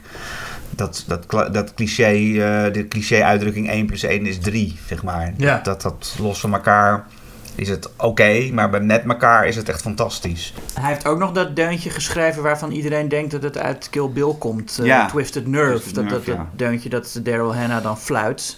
Ik geloof dat ze het zelf fluit, hè? Oh, dat weet ik niet of het zelf fluit. Ik kan niet fluiten.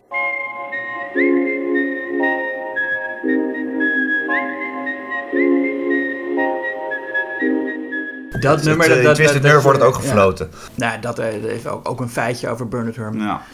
Ja, want die, die, die Psycho, ehm, dat is een soort van sound effect dat bijna nog bekender is geworden dan de film. Net Ja. een beetje zoals Jaws, ook dat één soort sound effect wat nu... Ja, dat betekent nu ook gewoon neerstrijken. Als je, als je Ja. maar zegt... Wie, wie, wie, en je iedereen weet je wat je op en bedoelt. neer, dan... Ja. Ja, het is een, een, een begrip geworden. Ja. Het geluid is een begrip Begrip geworden geworden. eigenlijk. Nou, Ja, net zoals eh, de, de, de, de betekent dat Ja, er een haai aankomt. komt. Of, of er überhaupt iets Gevaar, engs. Ja. ja. je hoort het gewoon. het- Een gevaar dat je niet ziet. in, in Jackass werd het gebruikt voor de scène waar ze elkaar met tondeuses besluipen en dan een stuk eh, haar eruit scheren. Oh, dat is wel Ja. goed. Gewoon, je ziet iets langzaam aankomen en dan eh, bouwt dat zich op, wat in Jaws Ja. in ieder geval Nou, in, in Jaws zie je hem ook niet eens. Het is puur die muziek, Muziek, die eh, ja. Aankondigt dat de haai er, eh, Aankomt.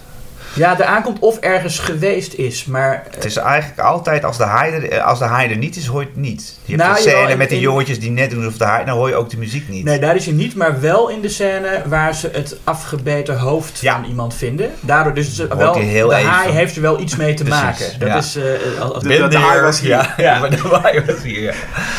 Als Ja. haai zijn, zijn tandafdrukken heeft achtergelaten. Maar ik vind het wel mooi dat Spielberg en Williams niet vals gaan spelen. En, Nee. en stiekem dat thema toch gebruiken als Ja. haai er niet is. Dan, dan weet je ook wel een beetje dat je, dat je Ja. op dat gebied wel kan vertrouwen. En dat is als je dat thema hoort, dat dan betekent dat er dus iets engs gaat komen. Ja, ja, precies. Ja.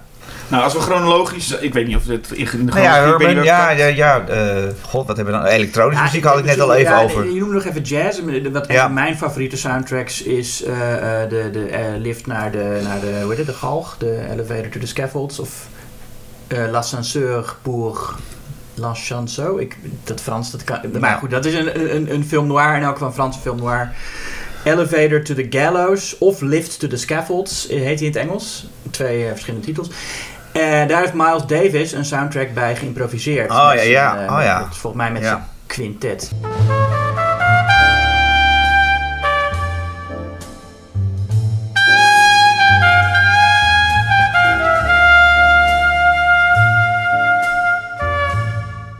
Die is heel mooi. Die is ook gewoon mooi om als plaats te luisteren. Maar die film is ook goed. Die, die moet je ook Ja. gaan kijken. Ja, dat is dan wel heel grappig, want je ziet dat jazz eh, wordt dan voornamelijk gebruikt in film waar. Ja. Het is een heel eh, eh, grappige combi. Ik zou niet zo goed weten waar, hoe dat ontstaan is. Nou ja, ik denk zeker de trompet van Miles Davis, die kan hij natuurlijk heel huidend laten klinken. Ja. En dat melancholische dat in veel film noir ziet, zit. Het zit, ja, past wel goed bij elkaar. Een beetje die urban setting misschien ook. Ja, ja, dat inderdaad. De, de, swingendheid. Dat Ja. was toen ook, waren er nog wel in de jaren 50, 60 ook nog wel mensen die jazz gevaarlijk vonden. Ja, natuurlijk. Het was nieuw. Ja, oh ja. Moet- Misschien moeten we ook naar, naar de componist. De componist van... nou ja, dat weten we allemaal natuurlijk. Exorcist 2, The Heretic. Ah, Morricone. Morricone, moeten we het toch over Ja, hebben. Moeten nou we ja. ook over hebben. Is ook weer zo, eigenlijk is dat ook weer een genre apart. ook een heel goede soundtrack trouwens. Ja. Exorcist. Ook weer Ja. zoiets... Ja. Oh, Exorcist, Ja, nee, Exorcist precies, 2, maar ja. ja, Ja. super. Ook hij heeft toch weer soundtracks die je aan iedereen kan laten horen. En Ja. iedereen kan... of ik denk dat veel mensen de film niet dan eens benoemen, maar iedereen kent het. Het is eigenlijk Ja. gewoon... Als je het over een western hebt, of als het ook maar iets met western Ja. is... Dan is zijn muziek... Ja, The. Good, The Bad and The Ugly staat eigenlijk ook gewoon voor westerns. Zoals Ja. Jaws staat voor eh, iets engs. Zou je Ja. eerder zeggen Good, Bad, The Ugly dan uh, Once Upon a Time in the West? Ja. Ja, Ja, zeker. Ja? Ja, Ik heb oh, het idee dat het geluid Ja, van Once Upon a Time in the West nog meer western is. Ty- Typisch eh, western. Ja, maar, eh, maar als, je, als, je, als jij, eh, zeg maar, als, als in een parodie een soort western held tevoorschijn komt, dan hoor je heel vaak dat. eh, wauw, wauw, wauw. Ja, Ja, maar... Maar wat, wat is dan het Once Upon a Time in the West wat je zou horen? Ja, dan wil je dat ik harmonica. dat ook ga. Die harmonica. Nee, ik weet, die, ja, die harmonica, maar ja, dat is niet echt een. Het is Nee, nee, het, het- van... Wah, wah, wah.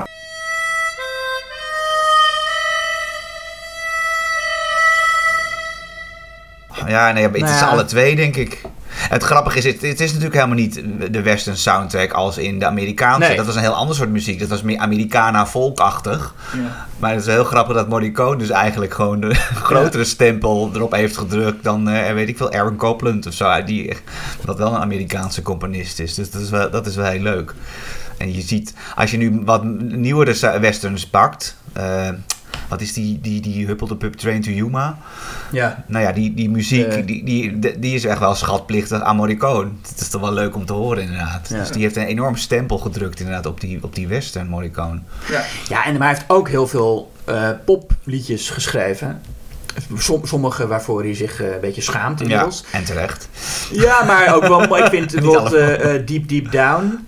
Ik weet niet of je dat kent. Dat is gewoon een goed liedje. Oh, dat weet ik even Nou ja, Deep, deep, down. Nou, ik ga het niet Ik wachtte er al. Voor sommige, maar ook voor soundtracks heeft hij eh, best wel goede popnummers ja, geschreven. ja. En, en ook rock. Er zit, er best wel wat rock in zijn soundtrack voor Exorcist 2.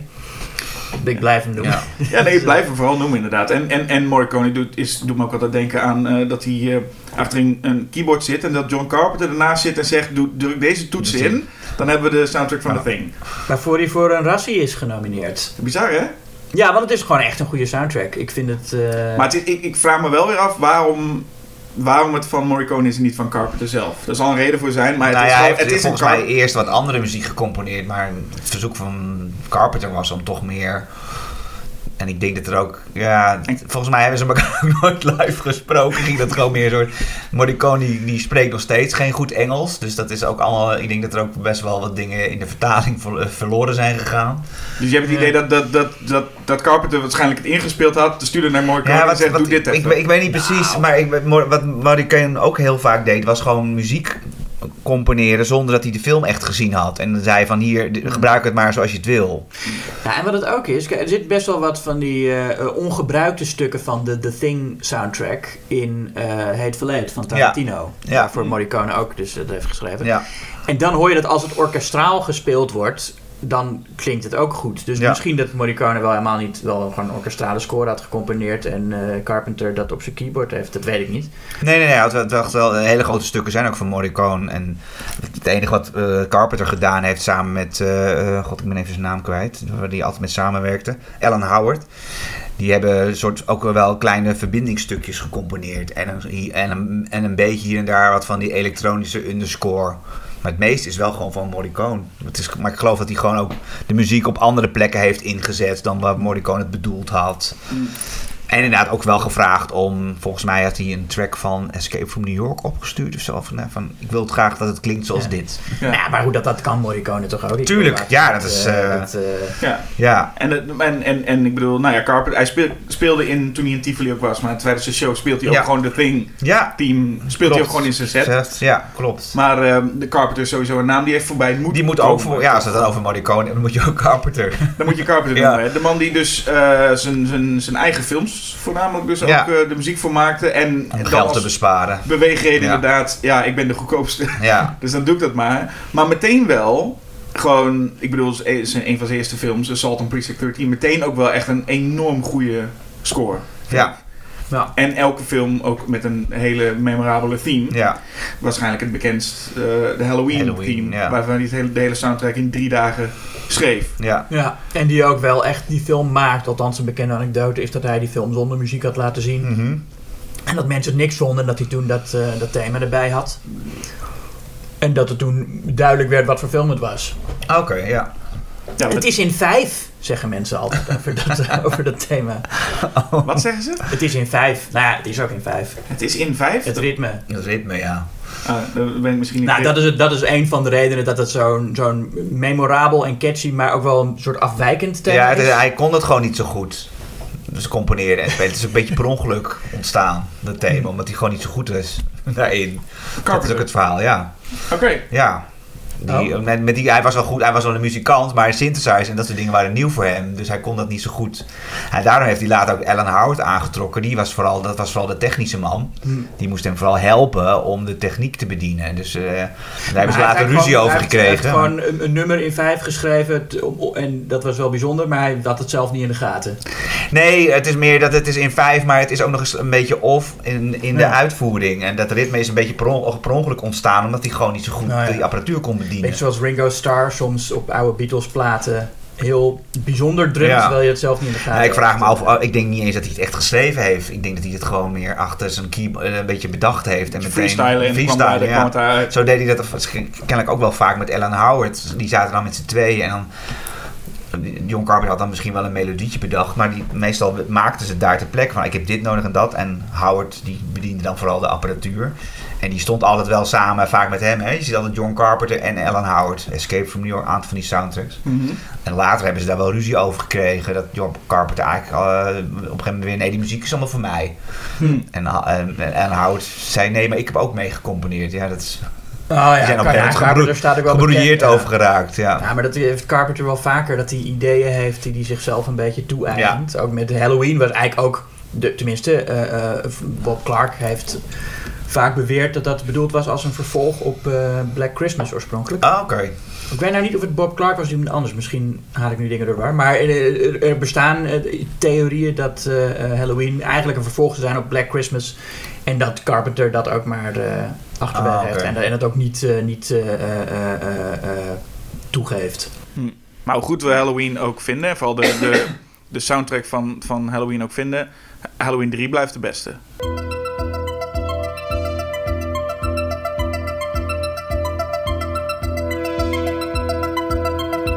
Ja, die, In ja, ieder geval de, de meest catchy. ja. De meest catchy. Ja, ik vind van de- de eerste Halloween is vooral het main team heel leuk. De rest van de score is, is adequaat. Vind ik niet zo bijzonder. Maar inderdaad van drie vind ik... eh, ja, dan... Dat klinkt ook wat ja, eh, voller, beter. Ja, ja en hij, nee, goed, hij, Beter uitgedacht. Ik denk dat, hij ook wat, dat ze wat meer tijd hadden om het eh, te componeren. Want hij heeft alleen maar gecomponeerd natuurlijk voor, Ja. voor drie. Ja, en, hij, en, nu- en nu nog steeds, hè? Nu is, nu is hij uh, Alleen maar... com- alleen maar oh hij ja, nieuwe ja, Halloween, nieuwe eh, Halloween, ja. nieuwe Halloween films. Ja. Hij niet veel anders dan componeren Ja. en, eh, Ja. en geld vangen omdat zijn naam erop staat. Ja, precies. Nou, Maar het, is, hij, het is ehm, hem gegund. Ja, dat is ook zeker zo. En het, het begin was natuurlijk heel veel keyboardwerk en daarna werd, gingen die, kwamen die gitaren er ook bij. Ja. En ik zag laatst nog Blues, Ghost ja. of Mars, die vol zit met gitaren. Het is Ja. non-stop, elke actiescène wordt die, komt er zo'n raggende gitaar op. Ja, hij heeft hij samen met een, welke band heeft hij dat ook? Een paar bandleden uit. Nou ja, oh, dat heeft hij ook niet helemaal alleen gedaan. Hij Ja. werkt heel vaak samen op zijn soundtracks, ook met muzikanten. Ja. Ja, Ja, maar die, die, ja, die, die, die pingeltjes, dat horen natuurlijk heel veel in, in horror, in zeker in de jaren Ja. 70, jaren 80. Hadden, de horrorfilms hadden een herkenbaar pingeltje. Een pingeltje. een pingeltje, toch? Het Exorcist eh, pingeltje Een bijvoorbeeld. pingeltje. Wat, wat eigenlijk gewoon een stuk van Mike Oldfield Ja, is natuurlijk. maar dat is alweer een beetje, dat is meer prog-rock-achtig. Ja, dat. nou, het- ja. Als je, zeker als je het hele eh, nummer luistert, wat Ja. van 20 minuten is, dat, is eh, de- dat, dat, pingel, dat pingeltje is ook maar een heel klein een stukje, ja. Want heeft iemand enig idee hoe dat gegaan is? Ik weet niet Hoe waarom dat hij daar is. terechtgekomen nee, is. dat weet ik Nee. eerlijk gezegd niet. Was het een groot bekend stuk dan? Was het een soort dat Nee, heel veel volgens mij mensen was in het de net- Exorcist Ja, zagen en dachten, niet? oh, het was toch is- net vrij nieuw? Jawel, maar goed, Mike Oldfield had wel enige naam onder liefhebbers Ja, ja. van eh, dat soort muziek.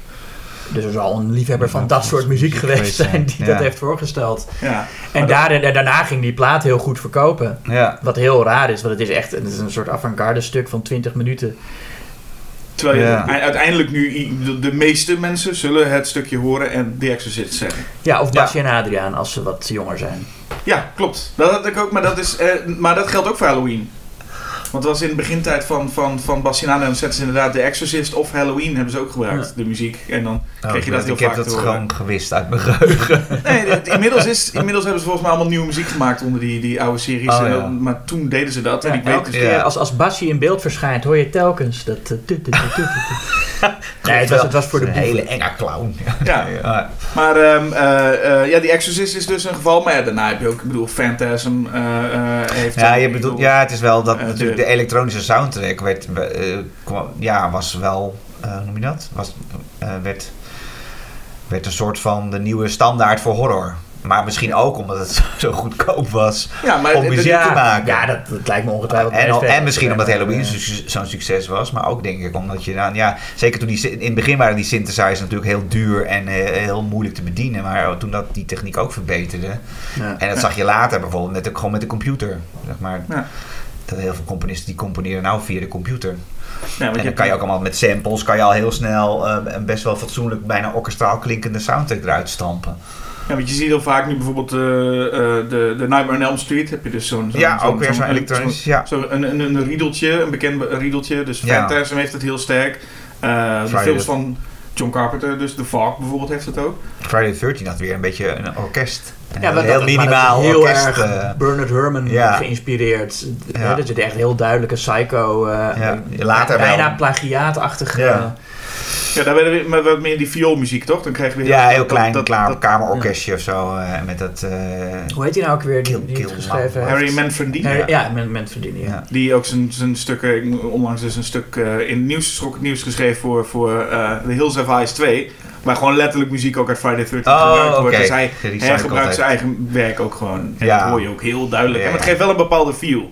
Dat is wel Ja, echt nee, zo'n- het is wel, ik zeg, ik noem het bijna plagiaat, maar het, ik vind het wel echt goed. Het is, ik bedoel, het is wel het beste aan de, aan de hele Friday the 13th serie. Die Ja. hele sfeervolle. Hoewel, die, dat is dus wel, als je heel veel mensen zou vragen van, eh, oh, het riedeltje van, eh, eh, of de theme van nou, Phantasm of Nightmare on Elm Street, de meeste, en Halloween, de meeste kunnen dat. Maar Friday the 13 is niet echt eh, Nee, dat is... na te doen of, of even alleen te- dat... dat Alleen... Ja, het is volgens mij kill... kill Ja, kill, kill, dat- kill, mommy, Ma- mom. ja, maar dat, hoor, heb ik er nooit in gehoord. Nee, maar, dat, is officieel. Dat, dat is, zo is het eh, ontstaan in ieder Ja, geval. zo, dat, volgens mij, dat, dat zei hij in de microfoon en toen ja, werd op een gegeven moment... Maar bewerkt. Ja. dat is bijna dus meer een sound effect dat bekend werd Ja. dan, Ja, dan- zozeer de... Maar de ik heb, wel, ik heb het soms het idee dat ik het in mijn hoofd heb hoor. Ja, dat, ik ook. eh, Net oh, even, maar het is nu weer weg. Nou, het is zo, het gaat steeds over in het Ja. psycho-stukje dat ze in die auto zit. Ja. Ik heb dan van die violen, die doen dan... eh tutte, tutte.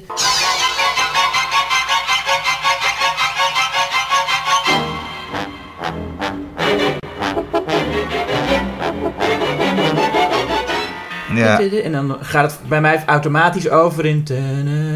Ja, je gaat opeens zit je in Bernard ja. Maar goed, dat plagiaat of een leentje buurspelen, dat gebeurt, dat gebeurt natuurlijk al sinds, sinds begin der tijden in filmmuziek. Ja. De, de muziek van Williams voor Star Wars, dat geeft hij ook toe, is ook gewoon geïnspireerd op eh, Holst, eh, eh, Mars, eh, hoe noem je het? Eh, die, eh, de Planets. En Ja. ja, eh, James Horner werd er ook altijd op afgerekend dat hij muziek van zichzelf recyclede of... of eh, Maar ja, dat of van anderen. Maar ja, dat- je, je, je, ja, de insteek is altijd om de best, zo'n best mogelijke muziek voor de film te maken. En als, En, dat gaat er ook wel terug in de, in de opera. Klassieke Tuurlijk, componisten ja. leenden ook van elkaar. Ja, en, ja. eh, Ja. En als we het over horrorpingeltjes hebben, moeten Ja. we even, even naar Goblin. Ja, ja, Ja. ik kan net al even over. nou ja, Prog dat rock, is, eh, ja. Ja, prog rock. Die- dat- dat is echt heerlijke eh, Ja, dingen die ze doen. Even dus Sus- Suspiria. ja, Suspiria, En, en eh, eigenlijk alles met... Profundo Rosso. en Dawn of the Dead. Inferno. Ja. Dawn of the Dead, ja. Ja. Wat valt daar nog over te zeggen dan? Behalve Eh, dat we de titels opgenoemd hebben. Nou, dat het heel Ja, aanwezige muziek is. Een heel ander soort stijl ook. Ja, Die en het- Italianen gebruikten muziek ook op een heel andere manier. Ja. Dat was vaak, staat vaak een beetje los van de beelden soms. Soms heeft het helemaal niks met elkaar te maken. Dat, dat kom je in een Hollywoodfilm niet gauw tegen. Nee, het is, het- nee, en soms is het heel erg be- bepalend. Het Ja. is echt, eh, bijvoorbeeld- nee, ik, er zit één scène in Suspiria, waar, waar Jasper en ik het ook over gehad hebben in onze Suspiria versus Suspiria podcast. Eh, dan- Goblin dan- versus Tom York. Ja, nou ja, dan, ja. dan wint Goblin. Ja. Maar, eh, Nou, eh, York, nou ja. ja. nou, Tom York vind ik ook goed hoor. En ik, ik heb ze allebei op vinyl. dus- Maar eh, eh, eh, er zit één scène in Suspiria waarin, je, waarin iemand zo aan, aan het vluchten is voor iets. En ze rent door die gangen van die eh, Mhm. school. En je ziet niet echt waar ze voor op de vlucht is. En op een gegeven moment denk je van, wacht, is ze nou alleen maar op de vlucht voor de soundtrack? Want eigenlijk al het enge wat er op dat moment gebeurt, is die, die soundtrack. En zonder Ja, ja. die soundtrack zit je gewoon te kijken naar een vrouw die in paniek door een school rent, waarvan je geen idee hebt waar ze nou, eh, waar, waarom ze nou zo in paniek is. Ja, ja, ja. ja. Maar het is heel erg, nou ja, goed, het is natuurlijk ja, eh, rare, rare maatwisselingen en eh, al die, ja, alle, alle, alle progrock clichés die je kunt verzinnen. Eh, dat is ook niet zo eh, in, in filmmuziek naast het feit dat Argento het zo hard inzet en het zo aanwezig is in de scène, is het ook gewoon muziek die van zichzelf al heel erg opvalt. Ja, ja, precies. Ja, alsof het bijna los, los, los Ja, het is ook niet echt iets wat je. Ik bedoel, sommige soundtracks van Williams zet je nog wel eens op op de achtergrond. Maar zo'n Ja. Goblin soundtrack Nee, dat is lastig, ja. Moet je echt naar Maar luisteren. dat levert, het levert ook wel weer hele goede, dat is wel weer leuk, hele goede albums op. Ja, Heel veel filmmuziek is natuurlijk gewoon, die werkt onder de film, maar en los daarnaar luisteren is vaak nog wel een opgave. ja. is natuurlijk ook niet voor bedoeld, maar Nee, bij Goblin denk je haast van, oh, dit is ja, geschreven als, een album. Ja, En, eh, precies. Ja. Je hebt componisten die, die heel duidelijk een eigen stijl hebben, een eigen, eigen handtekening. En je hebt, jij noemde net ook al Jerry Goldsmith. Die ja. Hele, ik, ik heb even het lijstje wat hij dan gedaan heeft. Ja, maar dan dat is, eh, The Omen, Poltergeist, Gremlins, Star Trek, Alien. Dat zijn wat vrij uiteenlopende dingen. Mhm. Allemaal wel super bekend. Ja. Ja. Niet dat ik het nu ter plekke kan neurien, al die... eh, die, die Nee, dat sommige niet. dingen wel misschien, maar andere niet. Maar Nee, ja, hij is typisch zo'n componist die, die, als je heel goed luistert, je hoort wel hier en daar een beetje zijn stijl erin, maar hij is, de, hij is iemand die echt zijn muziek in dienst stelt van de film.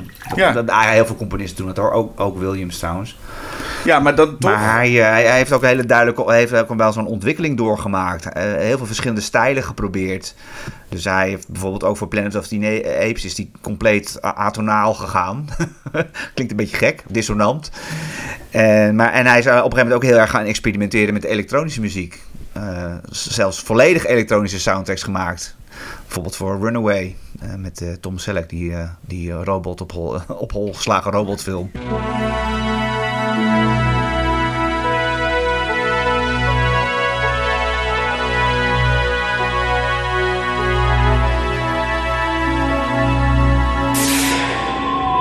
Ja, die muziek is vreselijk om te horen naast de film. Het is echt niet om aan te horen. Maar je hoort wel. Het, is, het, het, grappige is aan die soundtrack is dat is, het is uit muziek. Als, waarschijnlijk als het door een orkest was gespeeld, dan was het beter geweest. Het is wel een soort van gecomponeerd met het idee van orkest in zijn hoofd. Maar die, hij experimenteerde dus heel veel. En eh, hij heeft dus ook heel veel verschillende soorten films ge- gedaan en heel veel verschillende soorten muziek geschreven. Ja, en een naam die me daar ook in, in voorkwam, als we toch even grote namen dan noemen, is Howard Shore. Ja, Ja, Kwam ook ook zo voorbij. iemand. Met dat Ja. soort van de, de David Cronenberg films. ja heel en tegelijkertijd, experimenteel. ik bedoel, een, eh, The Lord of the Rings. Ja. Wat ik nog steeds ook fantastische Klopt. muziek vind. Ja, dat was ook geen eh voor de hand liggende keuze toen Peter Jackson hem vroeg. Dus dat, je zou toch denken dat John mensen Williams... schrokken dan daar wel een beetje van. Ik, wat krijgen we nou? Dat Ja, je, dat je denkt John Williams staat op de, op de sneltoets op nummer 1 en dan, en dan belt hij Howard Shore. James Horner op 2. Het is, wel, het is wel echt heel... Het heeft wel iets, iets episch toch altijd, die soundtrack van, van The Fly en... eh, Ja, klopt. Zelfs Existence. Klopt, heb je Het is gelijk heel- in. heel Ja, zwaar. Heel zwaar, ja. Ja, daar heb je gelijk Maar in. hij is ook, ik bedoel, Silence of the Lambs en Ja. Seven. Ook Ja. ook, ook allemaal heel zware Heel eh, zwaar. soundtracks. Ja, s- ja. Seven is ook... Ja, en, maar Zwaar maar vaak film. wel heel dissonant ook wel. De Seven is niet heel prettig om naar te luisteren los. The Fly zit wel weer een heel mooi Hmm. thema in. En Silence of the Lambs ook. ja.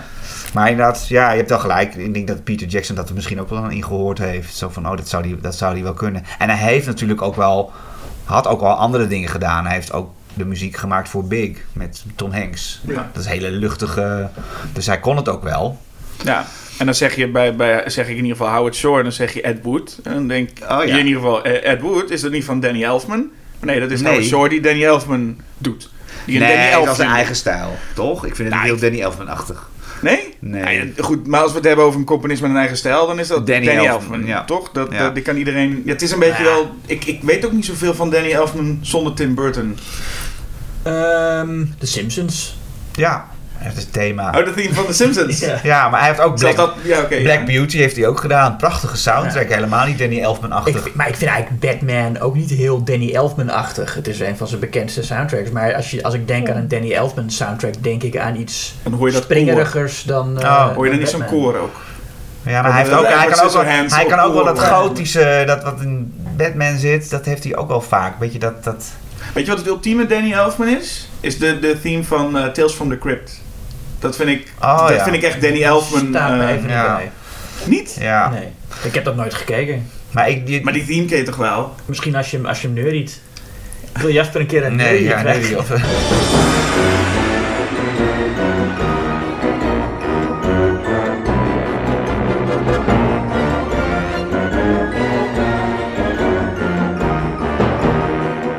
nee, Maar, Erik weet wat ik zeg. Nee, ja, wel. En ik denk ook wel, eh, bijvoorbeeld Pee Wee Herman. Een beetje dat, een beetje, hij heeft altijd van die, ik associeer hem vaak ook wel een beetje met wat vrolijk, een beetje raar georchestreerde melodietjes. Misschien eerder dan met, maar goed, ik vind als je die duistere muziek van hem, zoals voor Batman, hoort, ja, ik hoor het toch ook wel een beetje erin. Of misschien, misschien wil ik dat heel graag. Wat het, zou eh, kunnen. wat leukste, leukste verhaal wat ik ken wat betreft componisten en dan ook Danny Elfman, is dat hij dus eh, met Sam Raimi samenwerkte voor Spider-Man. Ja. En ook voor Spider-Man 2. En dat, Ja. dat, dat bleek een, eh, nou, een hel voor, voor Danny Ja. Elfman ook te zijn. Waarbij er een stuk was, waarbij, ze, waarbij Sam Raimi ook eh, een stuk wilde. Dat moest op Hellraiser Ja. lijken. En dat dan, nou, iedere keer als dan eh, Danny Elfman iets gedaan had, moest, nee, het moest nog meer op, op Ja. Hellraiser lijken. En dat Danny Elfman op een gegeven moment zei, ja, als je fucking Hellraiser wil, dan, dan, dan neem je Christopher Young maar gewoon. Ja. En dat heeft hij toen ook gedaan. gedaan, ja.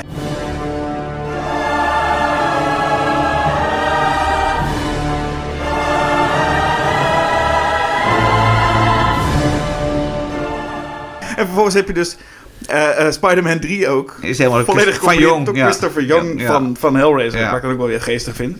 Maar, maar ik bedoel, even, Hellraiser is ook wel echt een hele goede soundtrack. Ja, Nou, als je dan nog een componist wil noemen, inderdaad. Die, een leuk, die een beetje een stempel heeft gedrukt. Want dat was wel weer grappig. In de jaren tachtig is vooral de elektronische muziek natuurlijk een beetje de, de, de, de sound voor horrorfilms. En wat doen ze voor Hellraiser? Ja. een hele orkestrale, Ja, ik, gotische, een hele spectaculaire soundtrack. Ja, want je hebt eigenlijk dat, dat soort van dat, dat, dat, dat doosje in Hellraiser, Ja. die puzzelbox, die heeft eigenlijk een eigen theme. Gewoon Ja. zo'n zo'n zo'n kinderdoosje. ja, een beetje zo'n ja, speeldoosje. En je verwacht dat dat eigenlijk gewoon de hele theme van de film is. Maar als dan die film ook begint, ook als, als, als Hellraiser 2 begint, ja, dat is nog er groter, ja. dan komt er toch een bombastische Ja. soort van Lord of the Rings-achtige ja, muziek een soort ook. opera bijna, ja. inderdaad. Ja, En dat past ergens wel heel goed. ja, ja. ja. Ergens ja. helemaal niet, maar ergens past het heel Ja. goed. Dat je ineens denkt, wat gaan we nu naar kijken? Ja, En dat is dan Hellraiser 2. twee, ja precies. Ja. Ja. Pino Donaggio, Oh ja. beetje de, de Bernard Herrmann van Brian De Palma. Ja, Is wel Ja. ook eentje die genoemd moet worden. Ik vind Ja. vooral zijn soundtrack voor Carrie ja. Ontzettend mooi. En ook een beetje, nou ja, Italiaans ingezet, om het maar even zo te zeggen. Hij is natuurlijk ook een Italiaan. ja. Ja, de- maar, en De Palma is eh, nou, Italiaans-Amerikaans. Maar goed, maar de- de- die, die zet dat heel erg echt op de Italiaanse manier, Manier in. Van echt, het, het, het draagt op dat moment, is het eigenlijk die film. ja. Ik bedoel dan vooral in de finale, als, als Carrie losgaat en ook dat splitscreen. Dat is ook ondenkbaar zonder, Zonder die muziek, erbij. ja. En, en ook trouwens zijn dat, dat dromerige openingsthema Ja. bij de, bij de douchescène. Het is, ook heel wel kitscherig, eh. Ja,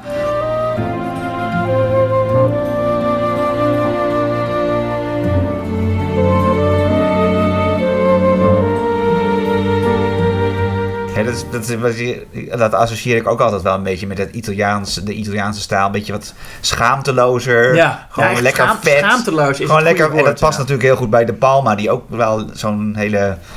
Ja, een beetje zo'n kitscherige stijl heeft van filmen. En, Wist je dat eh Pino Donaggio ook een Nederlandse film heeft? ja, Oorlogswinter, Ah, ja. ja. ja. Is natuurlijk groot fan van. eh, Ja. Ja, dat is wel een mooie sound. Heel klein. Nee, niet helemaal niet eh, schaamteloos en over de top en zo. Ja. Nee, en, eh, en, en Donaggio is een van de eerste die ook, ook eh, de, orkest mengde met, eh, met elektronica. Dat die, daar zit aan het einde zit zo'n enorme... Ja. en daar, daar koketteert hij ook altijd een beetje mee. dat hij de eerste was, wat niet klopt, maar goed. En we hebben, dan, we hebben het nu over soundtracks die heel mooi zijn. Ja, Wat ook ja soms dat heel is waar. fijn is. Ja, ja. ja. Wat ook heel fijn is, soms zijn soundtracks die helemaal niet mooi zijn. En dan denk ik aan, het, aan, het, aan eh, Toby Hooper's Texas Chainsaw Oh, Massacre. Ja. Oh ja. Die met, eh, met Wayne Bell gewoon aan pannen aan het smijten is Ja. geweest. Nee, wat bedoelde ik het ook een beetje. Je hebt van die soundtracks, daar wil je helemaal niet los naar luisteren. Je- nee, want die dat werkt je- onder de film fantastisch, maar... Ik wou zeggen, dat is de perfecte soundtrack voor Ja. die film. Maar het is niet dat je is- denkt van zak die eens opzetten. Of je- ja, dat is niet eens muziek. Dat is gewoon inderdaad... Nee, het is Nee. pannensmijtwerk Ja. van, van Toby Hooper en Wayne Bell. Die dan vervolgens perfect onder die film Film past. past. Daar had ook gewoon geen, daar had geen mooie soundtrack onder Nee, moeten. klopt. Voor die film. Nee.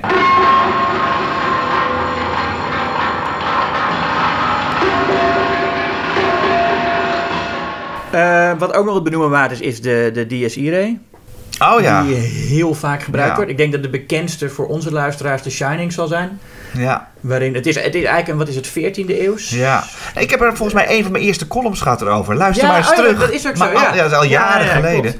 Klopt, ja, dus, ja dit is een, het is een, het is een, het is een eh, iets voor eh, een chant, inderdaad. Voor Ja, Gregoriaans, Gregoriaans, eh, ja. is het eigenlijk geschreven. En het Ja. zijn, wat is het, vier noten. En die worden in heel veel films gebruikt. Niet alleen horror trouwens. Maar om, om de dood van een Ja. eh, personage aan te kondigen. Ook iets wat al uit de opera komt. Het zit ook in... eh, Steven Sondheim heeft het in Sweeney Todd heel vaak gebruikt. En in, in Cats wordt het ook gebruikt. Eh, in, in de Ook al- film nog meer dan een- in de... Dat is wel een horrorfilm, toch?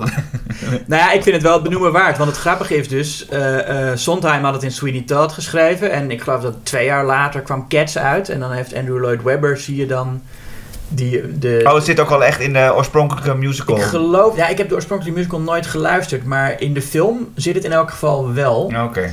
En, maar daar wordt het zo opzichtig ingezet. Je ziet zeg maar, kijk, in Sweeney Todd is het vrij subtiel en moet je er echt op letten om het te horen. En het heel mooi in de muziek verwerkt. En bij Cats is het gewoon, je ziet een personage dat aan het einde doodgaat. En je hoort pa, pa, pa, pa. En denk je, oh, nou, dan weten we ook weer Oh, dat ja. die... eh, Die is vast dood. worden, Ja. Eh, maar goed, The Shining is daar de, de, Ja. wel de bekendste bewerking van, denk ik. denk toch? het van, wel. eh, hoe heet ze? Wendy, Wendy Carlos. ja. Ja.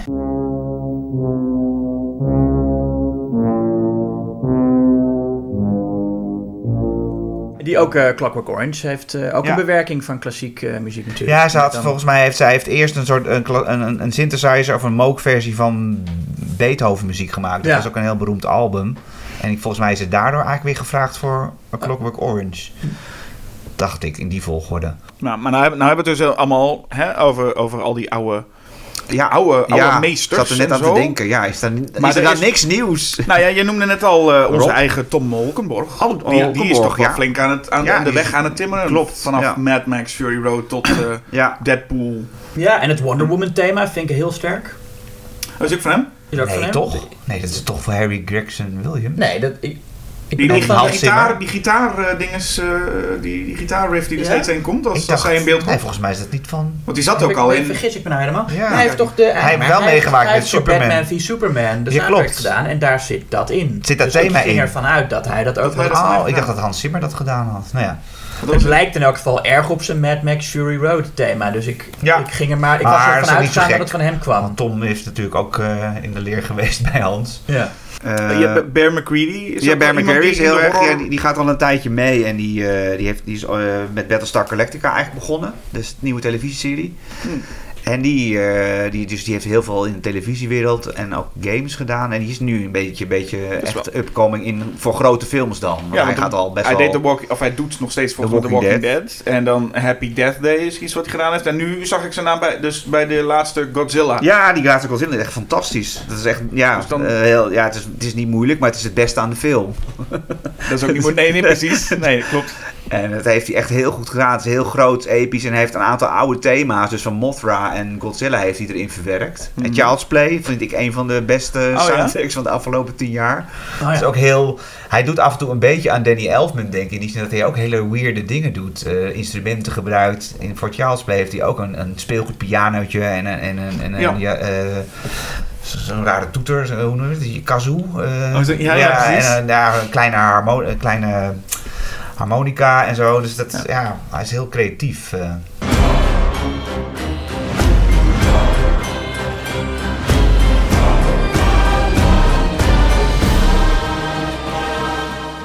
Daar gaan we vast wel meer, meer van horen, denk ik, in het genre. Ja, en wie ik in ieder geval moet, wil benoemen is, is ehm, maar niet kan benoemen.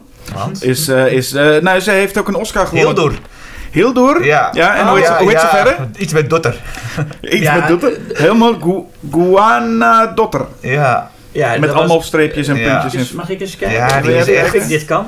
Eh, eh, Goodnut dotter. Ja, nee, maar je moet dan denken dat haar vader heet Goodnut of Ja, precies? Dat is ja. Oh, dat is de dochter van... eh, Dochter Ja, ja. betekent dochter. oh, ze is de dochter van Goodnut. En ik weet niet waarom dat zo is, maar in, dat, is, dat ze daar dus wel gewoon niet alleen Jansen, maar ook eh, Jans dochter eh, Ja. nog als achternaam hebben. Precies, Ik ja. weet niet waar dat, waar dat vandaan komt. Nee. Misschien verandert het wel per wat voor... Nou ja. Waarschijnlijk. Maar goed, heel Ingewikkeld. Heel door. Nou ja, hij heeft een Oscar in ieder geval voor Joker gewonnen. Maar ik vind dat datzelfde jaar had ze ook dus deze de soundtrack voor Chernobyl, Ja. de serie. En dat vond ik, vond ik echt Heel gaaf. toch? enorm sterk. Ja. Dat, dat was iets, ook iets waarvan je denkt, die hangt tussenin bij mij wat betreft het wel willen luisteren, maar Ja, eigenlijk ook weer niet. niet. Want dat, dat is Ja, ook dat is misschien dat, je hebt een aantal van de soundtracks, tenminste heb ik dan, die, die kan je eigenlijk pas luisteren nadat je de film of de serie gezien hebt, want dan kan je het wat beter plaatsen. Ja. Dan is het, dan maakt het ook wat prettiger. Maar zij, is- ja, dat is heel knap.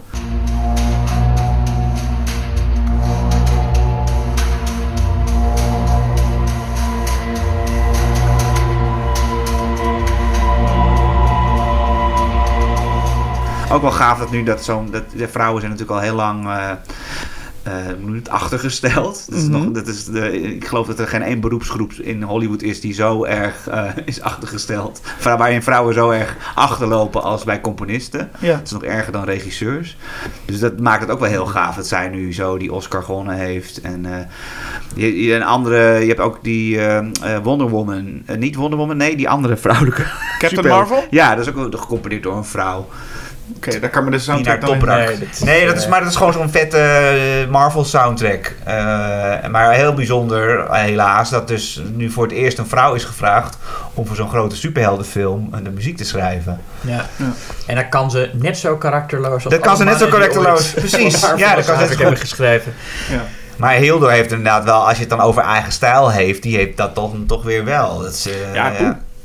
Dat was... eh, Ja. Ja, het is, ik vind het voor Joker ook een heel mooie eh, muziek. Maar ik vind alleen hoe het in die film gebruikt wordt. ehm, het is weer om, om de emotie te bevestigen die Mhm. ook al eh, visueel eh, en cinematografisch. de- Dus die hele film is, wil, wil, je heel erg vertellen hoe je je moet voelen. En dat trok ik eh, niet zo daar. nee. Dus dan heb ik toch ook...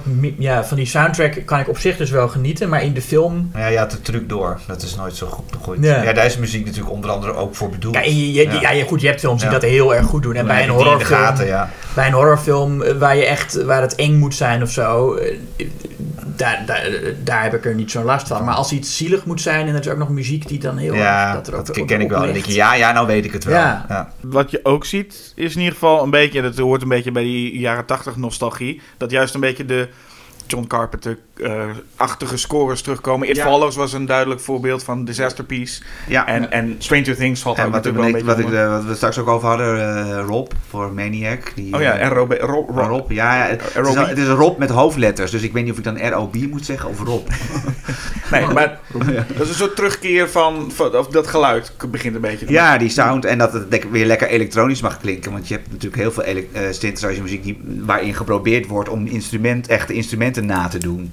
En dat, dat, dat maakt het soms dat het heel gedateerd klinkt. Ja. Maar als je gewoon synthesizer gebruikt om een hele eigen sound te creëren, dat, dat, dan blijft het wat langer, denk ik, eh, eh, fris. Ons eigen thema van deze podcast. nou, dat is ook een goed voorbeeld.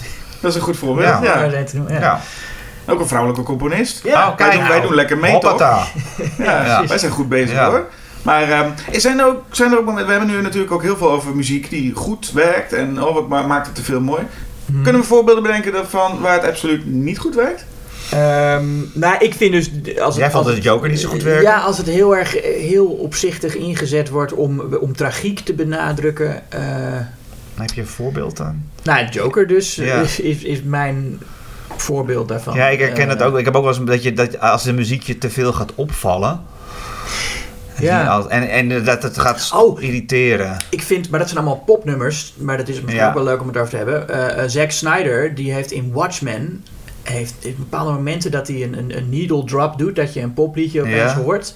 Dat werkt totaal niet, vind ik. En de reden, hij heeft in, aan het einde van Watchmen, eh, komt opeens Jimi Hendrix versie van eh, All Along the Watchtower. Op zo'n ongepast moment dat je echt denkt van wa- waarom, Waarom? doe je dit? En de reden dat hij dat doet is dat in het, in het, in het boek begint elk hoofdstuk of eh, elk eh, issue dan met een citaat uit een eh, Oh, ergens uit. en ja. in dit geval was het dus een, een citaat uit die tekst van Bob Dylan. En Snyder dacht dan ik doe de Jimi Hendrix versie. Maar ja, dat is de enige reden volgens mij. En dat het nummer totaal niet bij de scène past, dat, dat neem je dan maar op. Ja, Ja. dat neemt hij dan maar op de koop toe, denk ik. En ik vind ook heel vaak. Je had, je had op een gegeven moment een paar liedjes die dan echt te veel gebruikt worden. Dat leidt af. Ja, dat gaat af. Ja, en dan denk je van, oh, maar dit heb ik al zo vaak gehoord. Had op een gegeven moment dat nummer How You Like Me Now van The Heavy. En ehm wat was nou nog meer van eh, eh, Run the Jewels.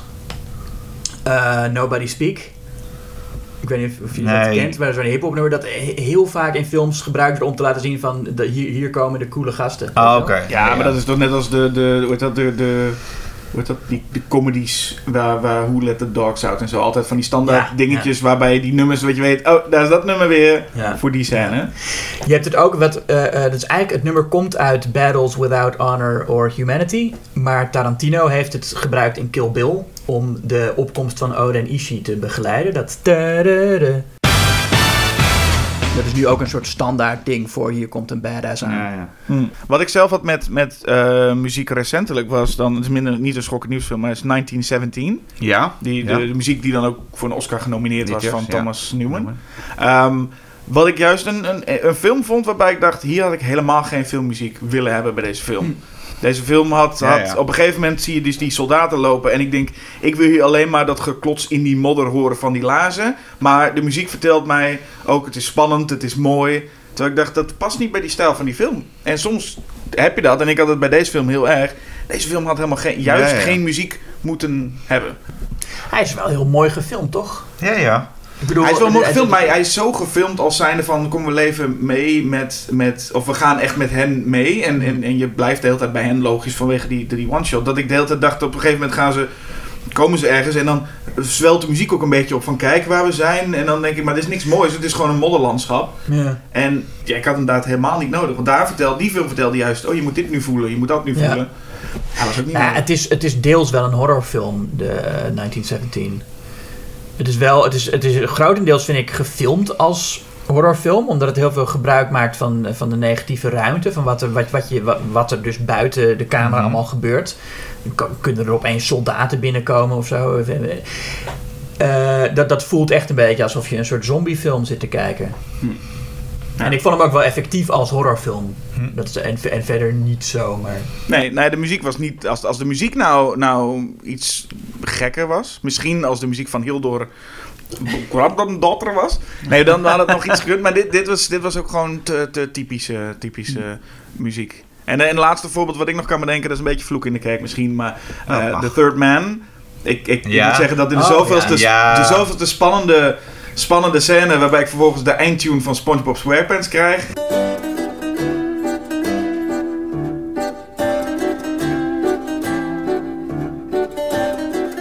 De s- sitaar is het toch, Ja. dat eh, dingetje? Ja, ja, ja. Ja, ik weet niet dat het Is het, niet echt is, SpongeBob nee, is was. het een sitaar? Nee. Ja, zo'n ja, zo'n bijzonder snaar. Ja, het is, ja, het is, het is geen, ik zeg sitar, maar het is iets anders. Het is, het is in elk geval een, een Zwitsers eh, Ja. instrument. Ik vind het een leuk theme, leuke theme, maar, Ja. maar, maar eh, op een gegeven moment wordt het echt bij spannende scènes steeds gebruikt. En dan denk ik, ik ben er wel een beetje klaar mee. En had ook niet, Eyes Without a Face Ja. heeft ook zo'n theme die net iets te vaak, Die is- Oh ja. net iets te vaak terugkomt als een soort kermismuziekje. En als het, nou ja, misschien is het dan juist meer het hoeveel wordt het gebruikt. Had die film had dat ook een beetje, dat het net iets te veel gebruikt wordt. Dat je denkt, elke keer als dan een auto wegrijdt, krijg je dat melodietje weer. Ja, ja, ja. Dat is te repetitief. Ja, ik, heb, ik, ik kan me ook geen voor. Het enige voorbeeld wat me te binnen schoot is.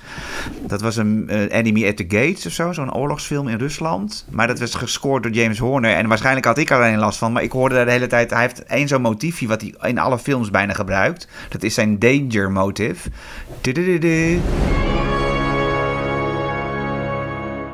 Eh, dat gebruikt hij meestal als het spannend wordt. Dat zat in Willow. En dat ging hem op een gegeven moment opvallen.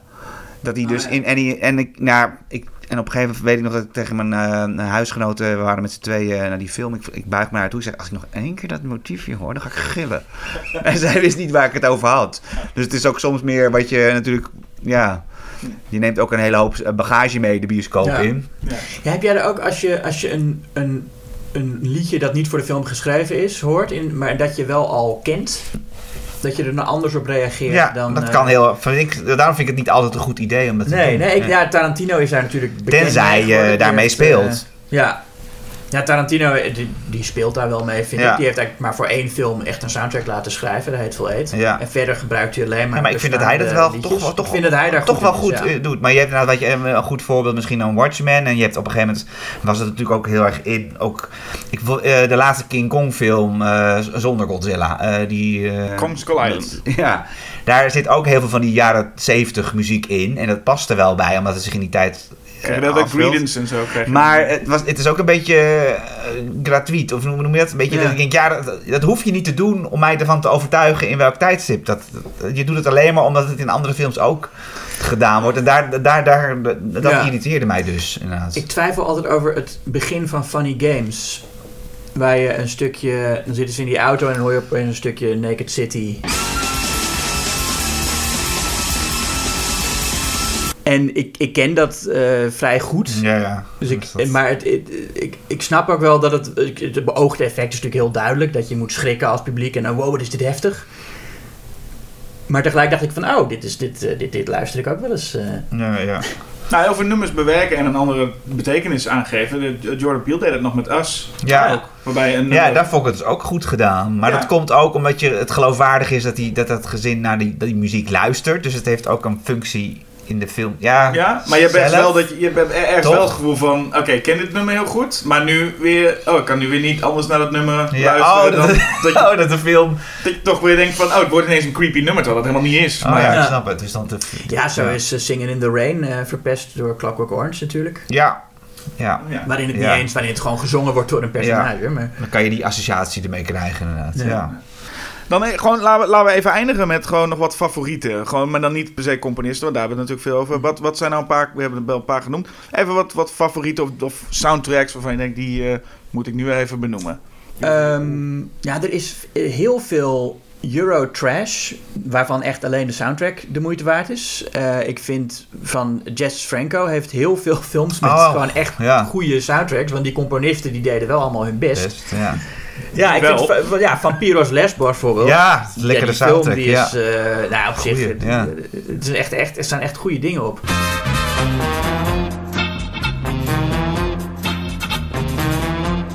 En die film is gewoon, ja, een soort, ja, zoals de meeste films van Jess Franco, een excuus om eh, een soort soft porno in een, in een, in een lullig horrorverhaaltje te verwerken. Ja. Ehm, maar die soundtrack is echt goed. En verder, ja, Carrie heb ik al genoemd. Carrie. Ja. Vind ik, Kerry. Kerry. Carrie vind ik een hartstikke mooie soundtrack. Ehm Suspiria. Eh, God, dingen van Ennio Morricone, ja. Oh, Blade Runner. Ja, Vangelis. Ja. Ja,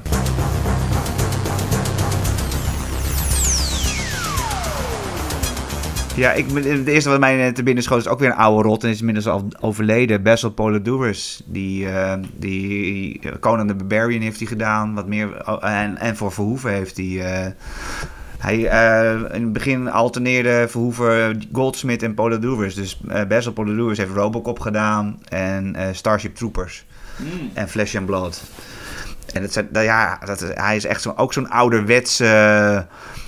eh, eh, lekker orkestraal is het allemaal. eh, met met eh, een beetje stoer.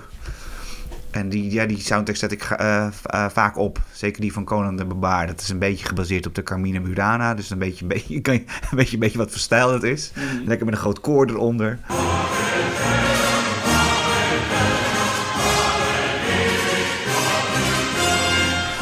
Dus die vind ik heel gaaf ook.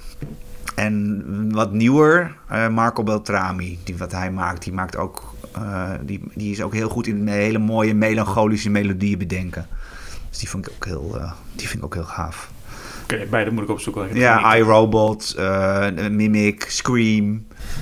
Die, Oh ja, oké. ja. Ik, had nu, ik bedacht me ineens, of ik zag niet ineens staan, dat eh, eh, eh, Terminator vind ik ook een Oh, hele goede Brad. Fiedel. Ja. Waarbij je dan inderdaad bij de naam Brad Fiedel denkt, wat heeft hij eigenlijk nog verder gedaan? Geen idee. Terminator 2. Maar, en Terminator 2. Maar wel zo'n, ik, ik vind die Terminator, die theme vind ik zo, Ja. zo sterk.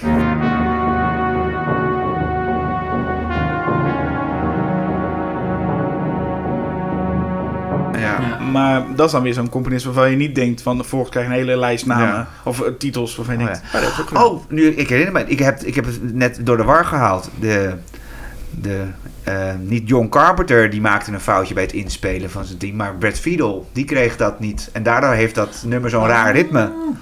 In het begin, die heeft een beetje een raar ritme dat heel, bijna niemand voor elkaar krijgt om dat te reproduceren, omdat hij gewoon niet, zijn apparatuur niet onder controle had. Sorry, luisteraar. Oh, nou ja. Daar waar ik Stop, stop, maar Halloween zei, bedoel ik Brad Fiedel. stop maar met die boze brief. ja, precies. Ja, Ja, we, we hebben hem zelf ontdekt. Ja, we hebben het zelf ontdekt. Maar goed, wel een heel, ja, inderdaad heel sterk eh, soundtrack. Ja. Verder moet ik nog benoemen zelf eh, Philip Glass Candyman. Oh, ja. ja, ja. Toch, Ja. toch, toch ook mooi. Toch Ja. bijzonder. Ja, en ik ben over, als je het over minimaal hebt, nu heb je Max Richter wordt nu heel vaak gevraagd voor soundtracks. Mhm. Die, is, die is vooral ook, ook een beetje bekend van zijn minimale muziek. Die vind ik ook heel gaaf. Philip Glass heeft ook nog een paar soundtracks geschreven voor eh, zwijgende films natuurlijk. En voor, Ja, en voor eh, Dracula. Dracula, hè? Ja. die een nieuwe niet, niet echt nodig is eh, erbij. Nee, nee. Ehm, wie wel, wat ik wel mooi vind, en- en- is de soundtrack die John Zorn heeft geschreven voor Nosferatu. Oh, dat ken ik Die niet. eh, past, ja, dat is heel duidelijk eh, eh, eh, muziek van nu. ja. Maar past wel echt goed bij die oude film ook. Dus Philip Glass, dat, dat was het? Dat was het voor Ja, nee, de laatste. ja. Ik heb laatste, Laatste- dat was je laatste, laatste? vraag. Ja. Nee, Oh, nee, laatste laatste vraag. Eh, noem één theme waarmee je altijd een ruimte binnen wil komen dat dat speelt. Als een ruimte binnenkomt. Ooit erg. Ik ga wel eerst dan. Ik Altijd. ga wel, ik ga wel eerst dan. Dan is het voor mij wel Escape from New York.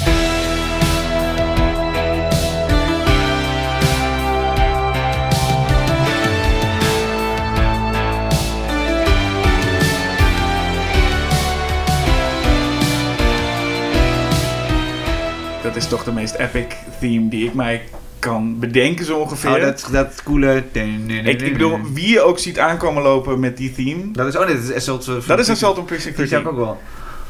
Die die kun je Oh, nog kiezen, die is nog vrij. Ja. Even Ja. kijken. Robocop, is dat iets? Ja. Ook een mooi ja, thema. ik moest natuurlijk meteen aan, daar kan je niet meer mee aankomen, maar Darth Vader's theme, Imperial March. Ah ja.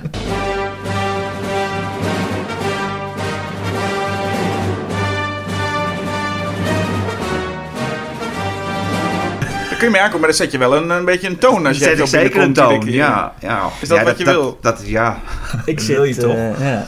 Het is niet dat ik... Ik ben geen fan van Bond, van James Bond. Ja, ja. Maar wel van eh, eh, Goldfinger, het thema van Goldfinger. Mm. Zeg maar, het, het, het, het- niet het thema, maar het liedje. Het liedje. Het Bond-nummer. Oh, ja. Ehm, ja, die misschien.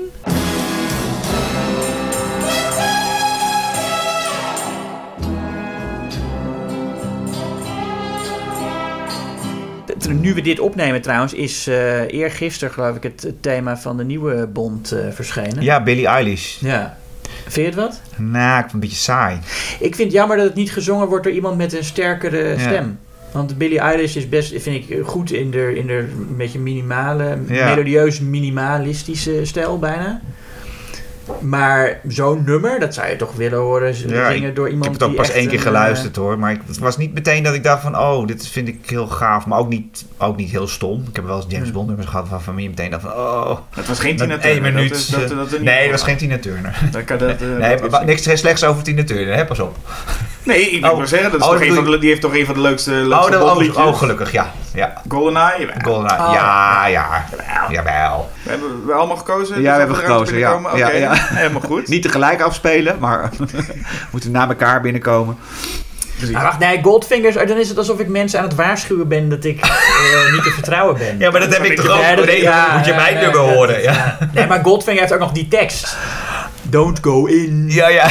Nee, dus dat Ja. ga ik toch niet doen. Oké. Enter his Mijn- web of mijn, sin. Mijn ja. web van leugens. Ja. Mijn web van zonde. Nee, Ja. dan, dan de Indiana Jones. Ah, ja.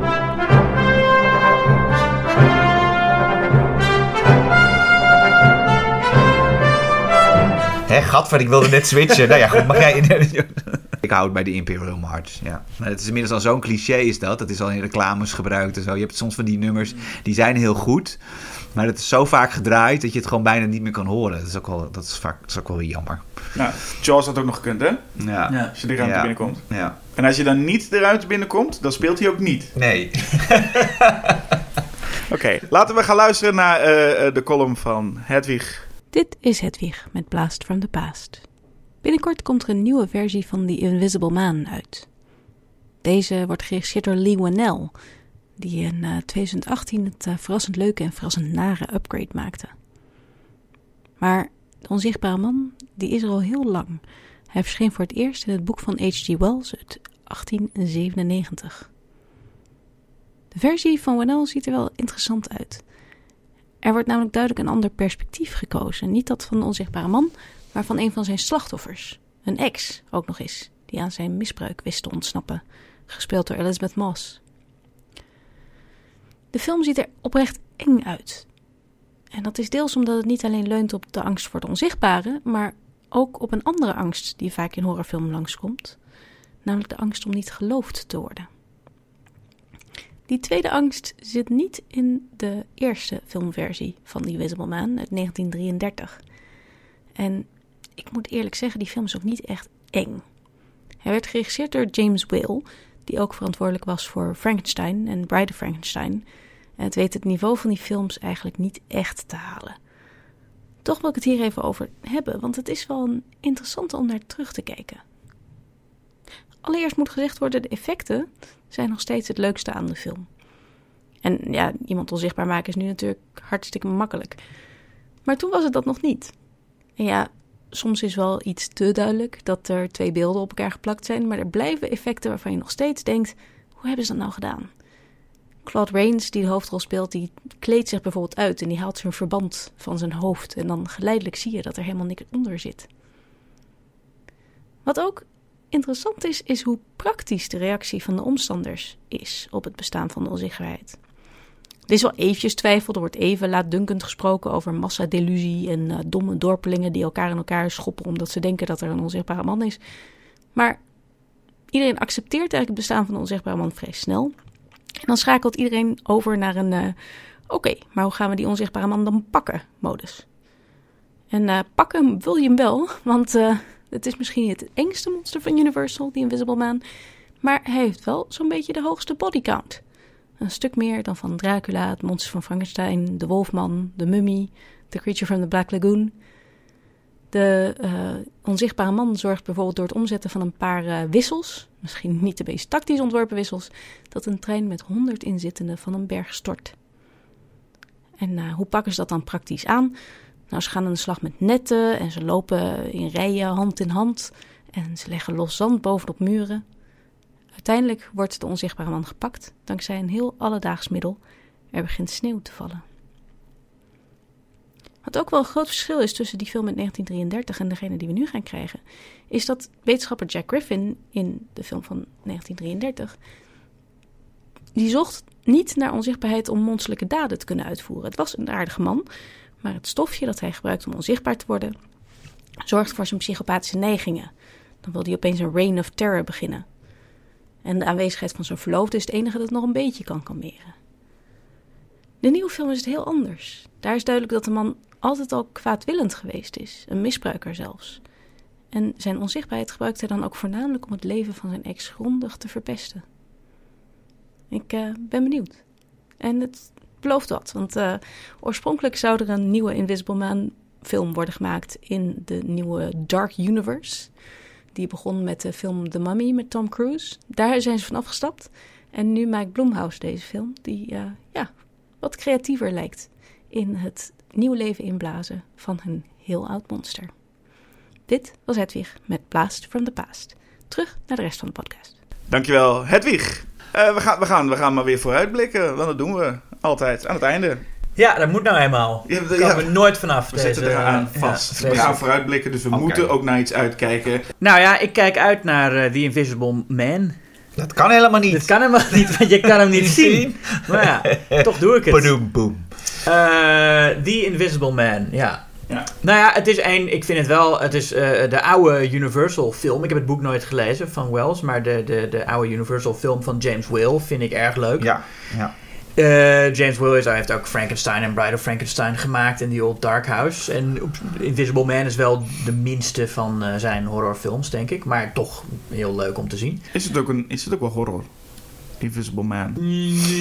Ja, in die tijd wel beetje science fiction, horror. Ja, dat is een goede. Hij, ja. hij, hij, maakt wel mensen dood in die film. Dan is het horror. Dan is het horror, ja. ja. Nee, maar ik bedoel, het is, ja, wat, wat, ja, hij is wel eng, toch? Hij is wel ja. een griezel. En hij is, hij is gek ook, toch? Ja. Uh, zo maniacaal lachend rukt hij toch op een gegeven moment zijn verband af of zo. In zo'n, ja. midden in een café. Ja. Ja. En op zich, ik ben ook als Paul Verhoeven fan, niet per se uh, dat ik Hollow Man nou zo fantastisch vind, maar ik vond dat wel, zaten, zaten aardige dingen in die film. Ik vind het niet een helemaal geslaagde film. Nee. Maar, en zeker aan het einde, als het gewoon een beetje een standaard slasher wordt, waarin je hem ook de hele tijd ziet. Ja, omdat hij verbrande huid heeft, geloof ik. Of ja, of dan staat hij in de film, gooien ze weer allemaal water. water. op hem of bloed of wat ja. dan ook. Dat was Kevin Bacon, toch? Ja, ja Kevin Bacon, ja. inderdaad. Ja. En het, ja, wat, ik, wat ik dan leuk vind aan die film, of leuk is misschien niet het goede woord, maar dat in, in de meeste films zou je je voorstellen, je hebt iemand die wordt onzichtbaar en dan zie je langzaam maar zeker dat ze steeds immoreler worden en steeds meer afdalen in eh, nare dingen gaan doen, om, omdat dat toch geen consequenties heeft, dat niemand kan het zien. En in, bij Paul Verhoeven, zijn mensbeeld is blijkbaar zo dat Kevin Bacon wordt onzichtbaar. En dan denk ik meteen, oh, nou, ga ik even bij de buurvrouw langs en uh, verkrachten. Ja. er is geen opbouw. Nee, nee, hij is al gewoon vanaf het begin. Maar ja, dat is ook, ja, dat, dat vind ik dan wel weer uh, uh, lekker cynisch ja. en, en, hard ook. Um, maar verder is het niet. Maar goed, de, de nieuwe Invisible Man uh, is, schijnt, heb ik gelezen in Schok het Nieuws. Helemaal niet uh, vanuit het perspectief van de onzichtbare man, nee, maar juist van zijn ex. Ja. Die dan opeens uh, lastig gevallen wordt of er gebeuren enge dingen met haar. En niemand gelooft er, omdat zij is onzichtbaar. Nou ja, vind ik ook wel lekker, lekker actueel. En, en, en, Als je had gezegd een tijdje geleden, hij is geregisseerd door Lee Wynell denk je, ah ja, die man van Insidious Chapter 3. maar ik vind na Upgrade ben ik ook wel, wel echt wel benieuwd naar uh, het nieuwe werk van Lee Wanell. Hij heeft wat dat betreft iets waar te maken. Maar ja. ik, ik, ik heb wel vertrouwen er nu. Meer vertrouwen in dan als het zomaar zo'n director for hire is. Ja. Ja. Maar goed, hij moet het nog waarmaken. Ik bedoel, dat is... ehm, maar dat lijkt me nog wel interessant eraan. Dus ze, ze negeren toch compleet alle andere. Eh, eh, of er is eigenlijk maar eentje, hè, die met eh, Tom Cruise, de mummy. Want ze wilden toch zo'n zo'n Dark Oh, Universe. Dat, ja, nee, dat, dat, plan, is nu dat toch gewoon gereset? de- eh, dat, dat, dat, Dat is hoort hier niet bij. Oké, dat mooi. niet Ja. Maar dat zou dan ook een heel andere acteur zijn, toch? Die de Invisible Man. Dan zou dat ook Oh, dat weet ik Johnny niet. Depp of zo Ja, er was sprake van Johnny Depp ooit. Maar ik weet niet of dat ooit een serieus eh, Ah, is, eh, plan is geweest. kan nog steeds dat hij die Invisible Man speelde. Dat weten we natuurlijk. Dat kun je Dat niet weet je Maar niet. goed, nee. wie, wie weet dat dit toch weer een, een, no- nog een poging tot eh, het begin van een universum kan worden. Oh, ja. Ik vind dat, ja... Ik weet dat dat in de after credits scene, dus eh Russell Crowe Ja. nog een keer opduikt. Ja, dat kan. Ik, weet niet. Het- het- Of, of, of, dat, of dat het helemaal niet opvalt, maar dat ze, dat ze in, in, in, in de volgende Universal Horror film gewoon weer een, eh, een, eh, een personage uit Invisible Man opduikt. Dat, het, mo- het mooie is ook dat deze... Misschien zat dit personage ook wel in de Mummy. Dat, weten we niet, want niemand heeft de mummy gezien. Dus dat nou, ja, en, dat en, je kunt hem ook niet zien. Kijk, Oh, dit is de dat- laatste, de laatste onzichtbare grap die we, die we maken bij nu. Ik vond het zo'n raar idee dat ze met de mummy waren begonnen. De, Dark Universe. Nou, ze waren daarvoor met Ja. Dracula begonnen en toen werkte dat niet. Ze zijn met ja, maar dat je dan, als je dan als je denkt van ga nu officieel ons, ons universum, universum beginnen. starten, ja. Waar, wat is nou het populairste monster waar mensen echt voor naar de bioscoop Nou, komen? Ja, dat was, dat was toch Dracula... Nou, Marvel begon ook met... Nee, dat is niet waar. Die begonnen eigenlijk met de Hulk, hè, geloof ik. Nee, met Iron Man begonnen ze. Ja, Maar dat was omdat ze ja maar de Hulk van Ang Lee was natuurlijk hoort er helemaal niet bij. Sorry, nee. Nee. Nee, Nee. maar, Nee, maar is- dus- en ze hebben Iron Man omdat ze hadden een paar kinderen met allemaal speelgoed laten spelen. En Iron Man was het populairst Ja. als actiepop. Ah, dus daarom oké. zijn ze begonnen met Iron Dus dat Man. is wel ja, degelijk... en omdat eh, ze X-Men, Spider-Man... Ja, dat waren, die, die waren allemaal al succesvol. Ja, Nee, maar die hadden ze niet. Dus, maar, maar, maar ik wil zeggen dat ze, volgens mij zijn ze echt begonnen met Dracula Untold. ja dus dat is logisch, daar begin je toch mee met Ja. Dracula. Maar ja, als dat dan flop, zeggen ze nee, daar begonnen we niet mee. We begonnen met The Mummy. nee, we zijn nog niet echt geflopt- begonnen. En als The Invisible Man nu succes is, zeiden we ja, hier begonnen we mee. Ja, nu zijn we echt Nu begonnen. zijn we echt begonnen. Ja. En dan zal de tweede film kloten zijn en dan zeggen ze Ja, nee, nee, nee, was nee. nee die, we, maken nu het echte vervolg. We, maakten nu, ja. Nee, maar ik zou zeggen dat Jekyll en Hyde toch nog meer mensen naar de bioscoop krijgt dan de Mummy. ja? De mummie? Ik denk dat Jekyll en Nou, Hyde toch wel... Jekyll and Hyde heeft er helemaal geen naam. Ik bedoel, bij The Mummy denken mensen nog, oh, die ken ik nog van, van Brendan Fraser. 90, Ja, de mummie. Dat, dat heeft Ja, nog een soort van ja. Mummy gevoel Returns. van, oh, daar wil ik Zijn wel drie is films van gemaakt ja. Nee. Wie, die- gaat er nou naar Jekyll en Hyde? De, de meesten kennen die niet eens meer. Nee, ik zit inderdaad... Je zou die, die, die Brandon Fraser film... eh, Ja. Dat is het, dat is het. Dat is het. Daarom hebben ze het gedaan. Ja. Ja. Dat mensen denken dat het daar een reboot van is. Nou, precies. Nou ja, oké. Nou ja, Maakt oké. niet uit. Goed. Erik, Eh, eh, ja, je ik... kijkt ook ergens naar uit, toch? Ja, ik kijk ook naar uit. Ja, ik heb namelijk net eh, drie hele grote, dikke boeken gekocht over Star Wars. dat zijn eh, wat oudere boeken al, de making, de making of. Geschreven door G.W. Rinsler. Die heeft wel meer van dat soort making-of boeken gemaakt al. Eh, Alien, eh, Planet of the Apes. Maar dus ook gewoon lekker één boek per Star Wars film. Gewoon de oor- oorspronkelijke trilogie. Dus gewoon Star Wars, Empire Strikes Back, Return of the Jedi. Dus die liggen lekker thuis om me te wachten. Zijn die hele grote boeken die... Ja, het is nauwelijks te lezen lekker op de bank. Daar zijn ze eigenlijk te zwaar voor. Ze passen ook niet goed in je kast. Maar er zit borden vol met foto's ook. Maar ook heel veel tekst. Dus je moet ook echt wel van lezen houden. Heel veel informatie. Maar ben je, er überhaupt, je bent er nog niet aan begonnen, überhaupt? Ik ben er nog niet aan begonnen. Nee, ik heb even gewacht. eh, ik heb ze zo eh, een beetje omheen gekeken. En eh, overal en nergens besteld waar ik ze het goedkoopst kon krijgen. Dus bij Amazon, via Marktplaats en via Bol geloof ik. En nu heb ik ze allemaal. Dat kwam ook omdat Star Wars die arriveerde als laatste. Dus ik wil wel gewoon bij het begin beginnen. Dus Oh ja. Nu heb ik ze alle drie en nu ga ik daarin beginnen. Want weet je of het, is het meer, eh, heeft dit verhalend opgeschreven of zijn het gewoon allemaal anekdotes met foto's? Nee, het is, er wel, het is wel verhalend. Het is echt, leest een beetje als een documentaire, als een lange documentaire. Het is ook eh, soms, het is echt heel gedetailleerd. Soms wel iets, misschien zelfs te gedetailleerd. Eh, Wat ik van Alien en Planet of the Apes, echt met getalletjes over budgetten en... eh, en, maar- maar als je echt geïnteresseerd bent in die films en eh, van Making of House, is het echt smullen, die, eh, die boeken van hem. En ik denk dat ik, er zal, er zal heel veel in staan wat ik al lang weet. Maar dat vind ik toch leuk. Het is toch een beetje dan een feest der herkenning, zeg maar. Zeker over Star Wars. eh dat heb ik al zoveel over gelezen en over gezien. Ja, want wat, hoe komt hij, zeg maar, in voor mij, hij is niet iemand die bij onderzoek. is geweest. Eh, Oeh, dat is een goeie. Dat weet ik destijds niet. Ik ben niet hoe oud. Maar nee, eh, eh, eh, gewoon onderzoek, research, mensen- interviewen. ja. Er staat ook uitgebreide bronbeschrijving in en zo. Nee, het is niet zo, zeg maar, even zo'n makkelijk making-offje. eh, eh, een soort marketing. Dit is Want ik heb de heel- trivia van IMDb uitgeprint en in een Ja, precies. Nee, dat, dat gaat- hij gaat, ze gaan ook best wel diep en ver. En er staan ook wel, zeg maar, ieder, ieder duistere roddel komt ook wel voorbij. En ook, ja, dat is wel, dat is wel interessant. En dan, dat, hij gaat ook wel zo ver dat hij dan toegeeft, nou, dit is door die gezegd, maar dit is weer door die gezegd. Dus, en de waarheid ligt in het midden. Dus, dus zover gaat het dan. Maar kijk, welk boek kijk je nou het meest uit dan? Van die drie, Ja? eh, ik denk Return of the Jedi. Oh, dus je moet echt door twee boeken heen Ja. eerst voordat je daar, daar naartoe kan. Ja, dat komt omdat, ik weet niet, hebben we dat vorige keer een keer besproken? Ik weet niet, maar ik, ik heb Return of the Jedi namelijk voor het eerst gezien in de bioscoop. Dus dat is, dat is mijn springplank voor Star Wars. Ah, ja. Dus daar heb ik dan een soort zwak, zwak voor nog steeds. Ja, het is ook de beste hoor. Ja. oh, misschien heb jij dat ook gezegd, of niet? Dat, dat, dat je het beste Ongetwijfeld. vindt. Dat heb ik van Julius geleerd om Ja, dat, zo te zeggen. Zo En ik heb wel, dat is de ik weet beste niet wie, ook dit- wie die theorie had. eh, was het, misschien was het Dan Hessler Forrest. Of weet ik van die, de eerste film die je gezien hebt van Star Wars. Dat is gewoon je ingang. En dat, die vind je vaak het best. Waar je ook is. En daarna de andere ga je aan de hand van die vergelijken.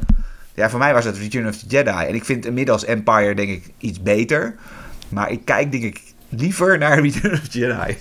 Hoeveel, hoeveel pagina's moet je doorheen? hè? Was Ja, het dat is wel, eh, dat is wel eh, 300 pagina's, 400 pagina's per boek. Dus ik ga ze ook niet allemaal achter elkaar lezen. Ik denk dat ik tussendoor even wat anders doe.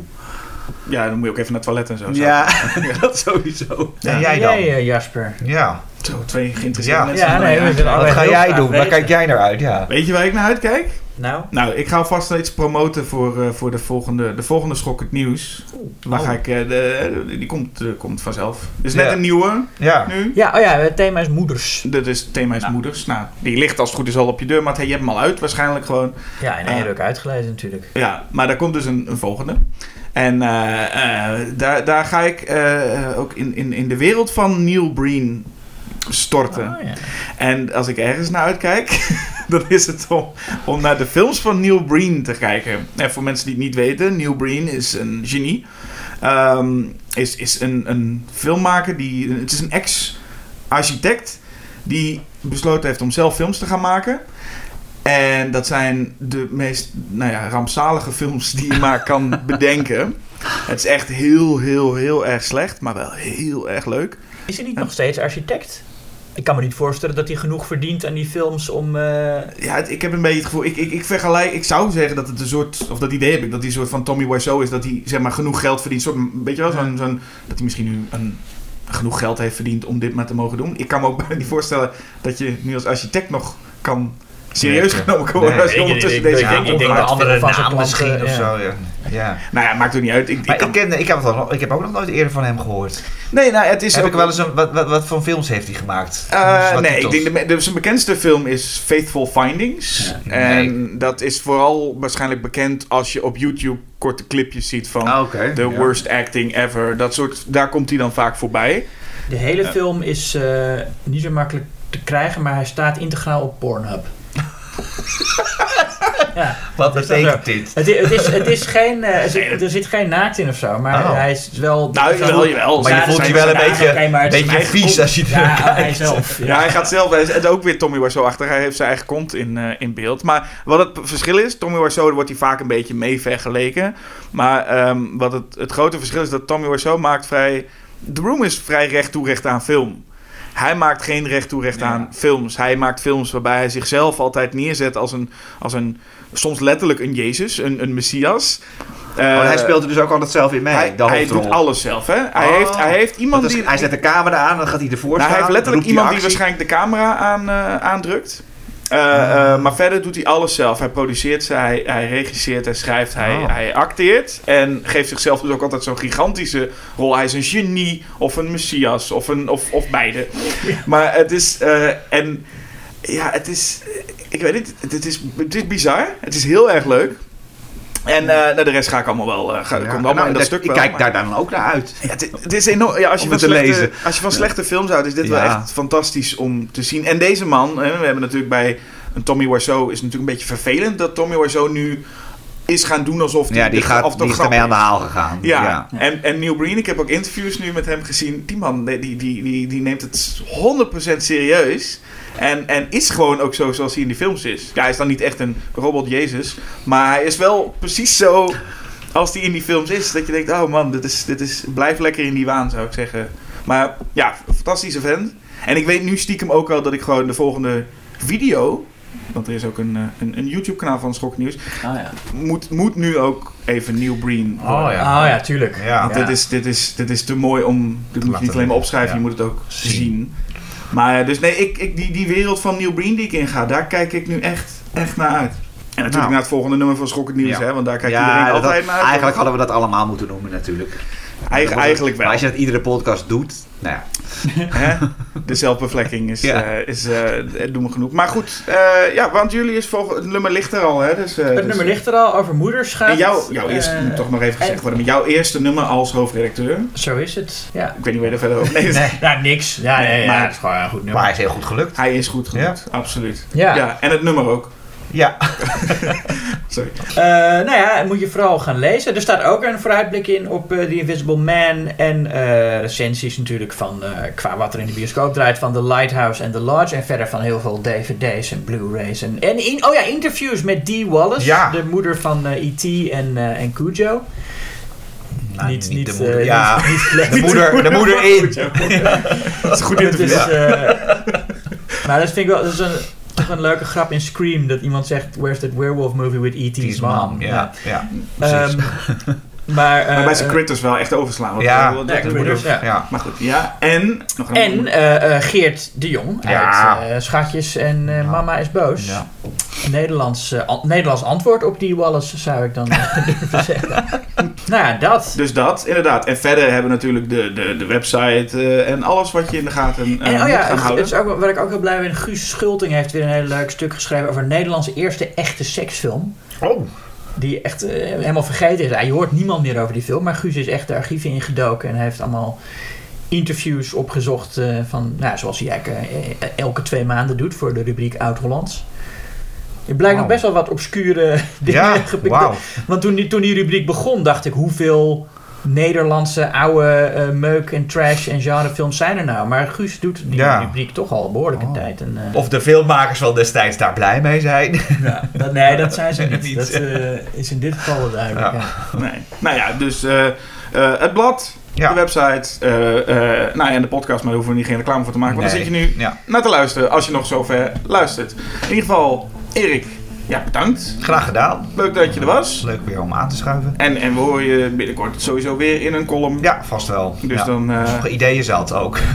daarom. Nou, en, en eh, jullie is ook weer bedankt. Hè? Ja, ja, ook heel erg bedankt Jasper. Ja. Jasper, jij ook bedankt. Nou, geen dank zeg. Ja, en Wat- jullie is wat- ook bedankt. Nou, Luisteraars bedankt. luisteraars ook bedankt. Dankjewel, Ook luisteraars. mijn moeder bedanken.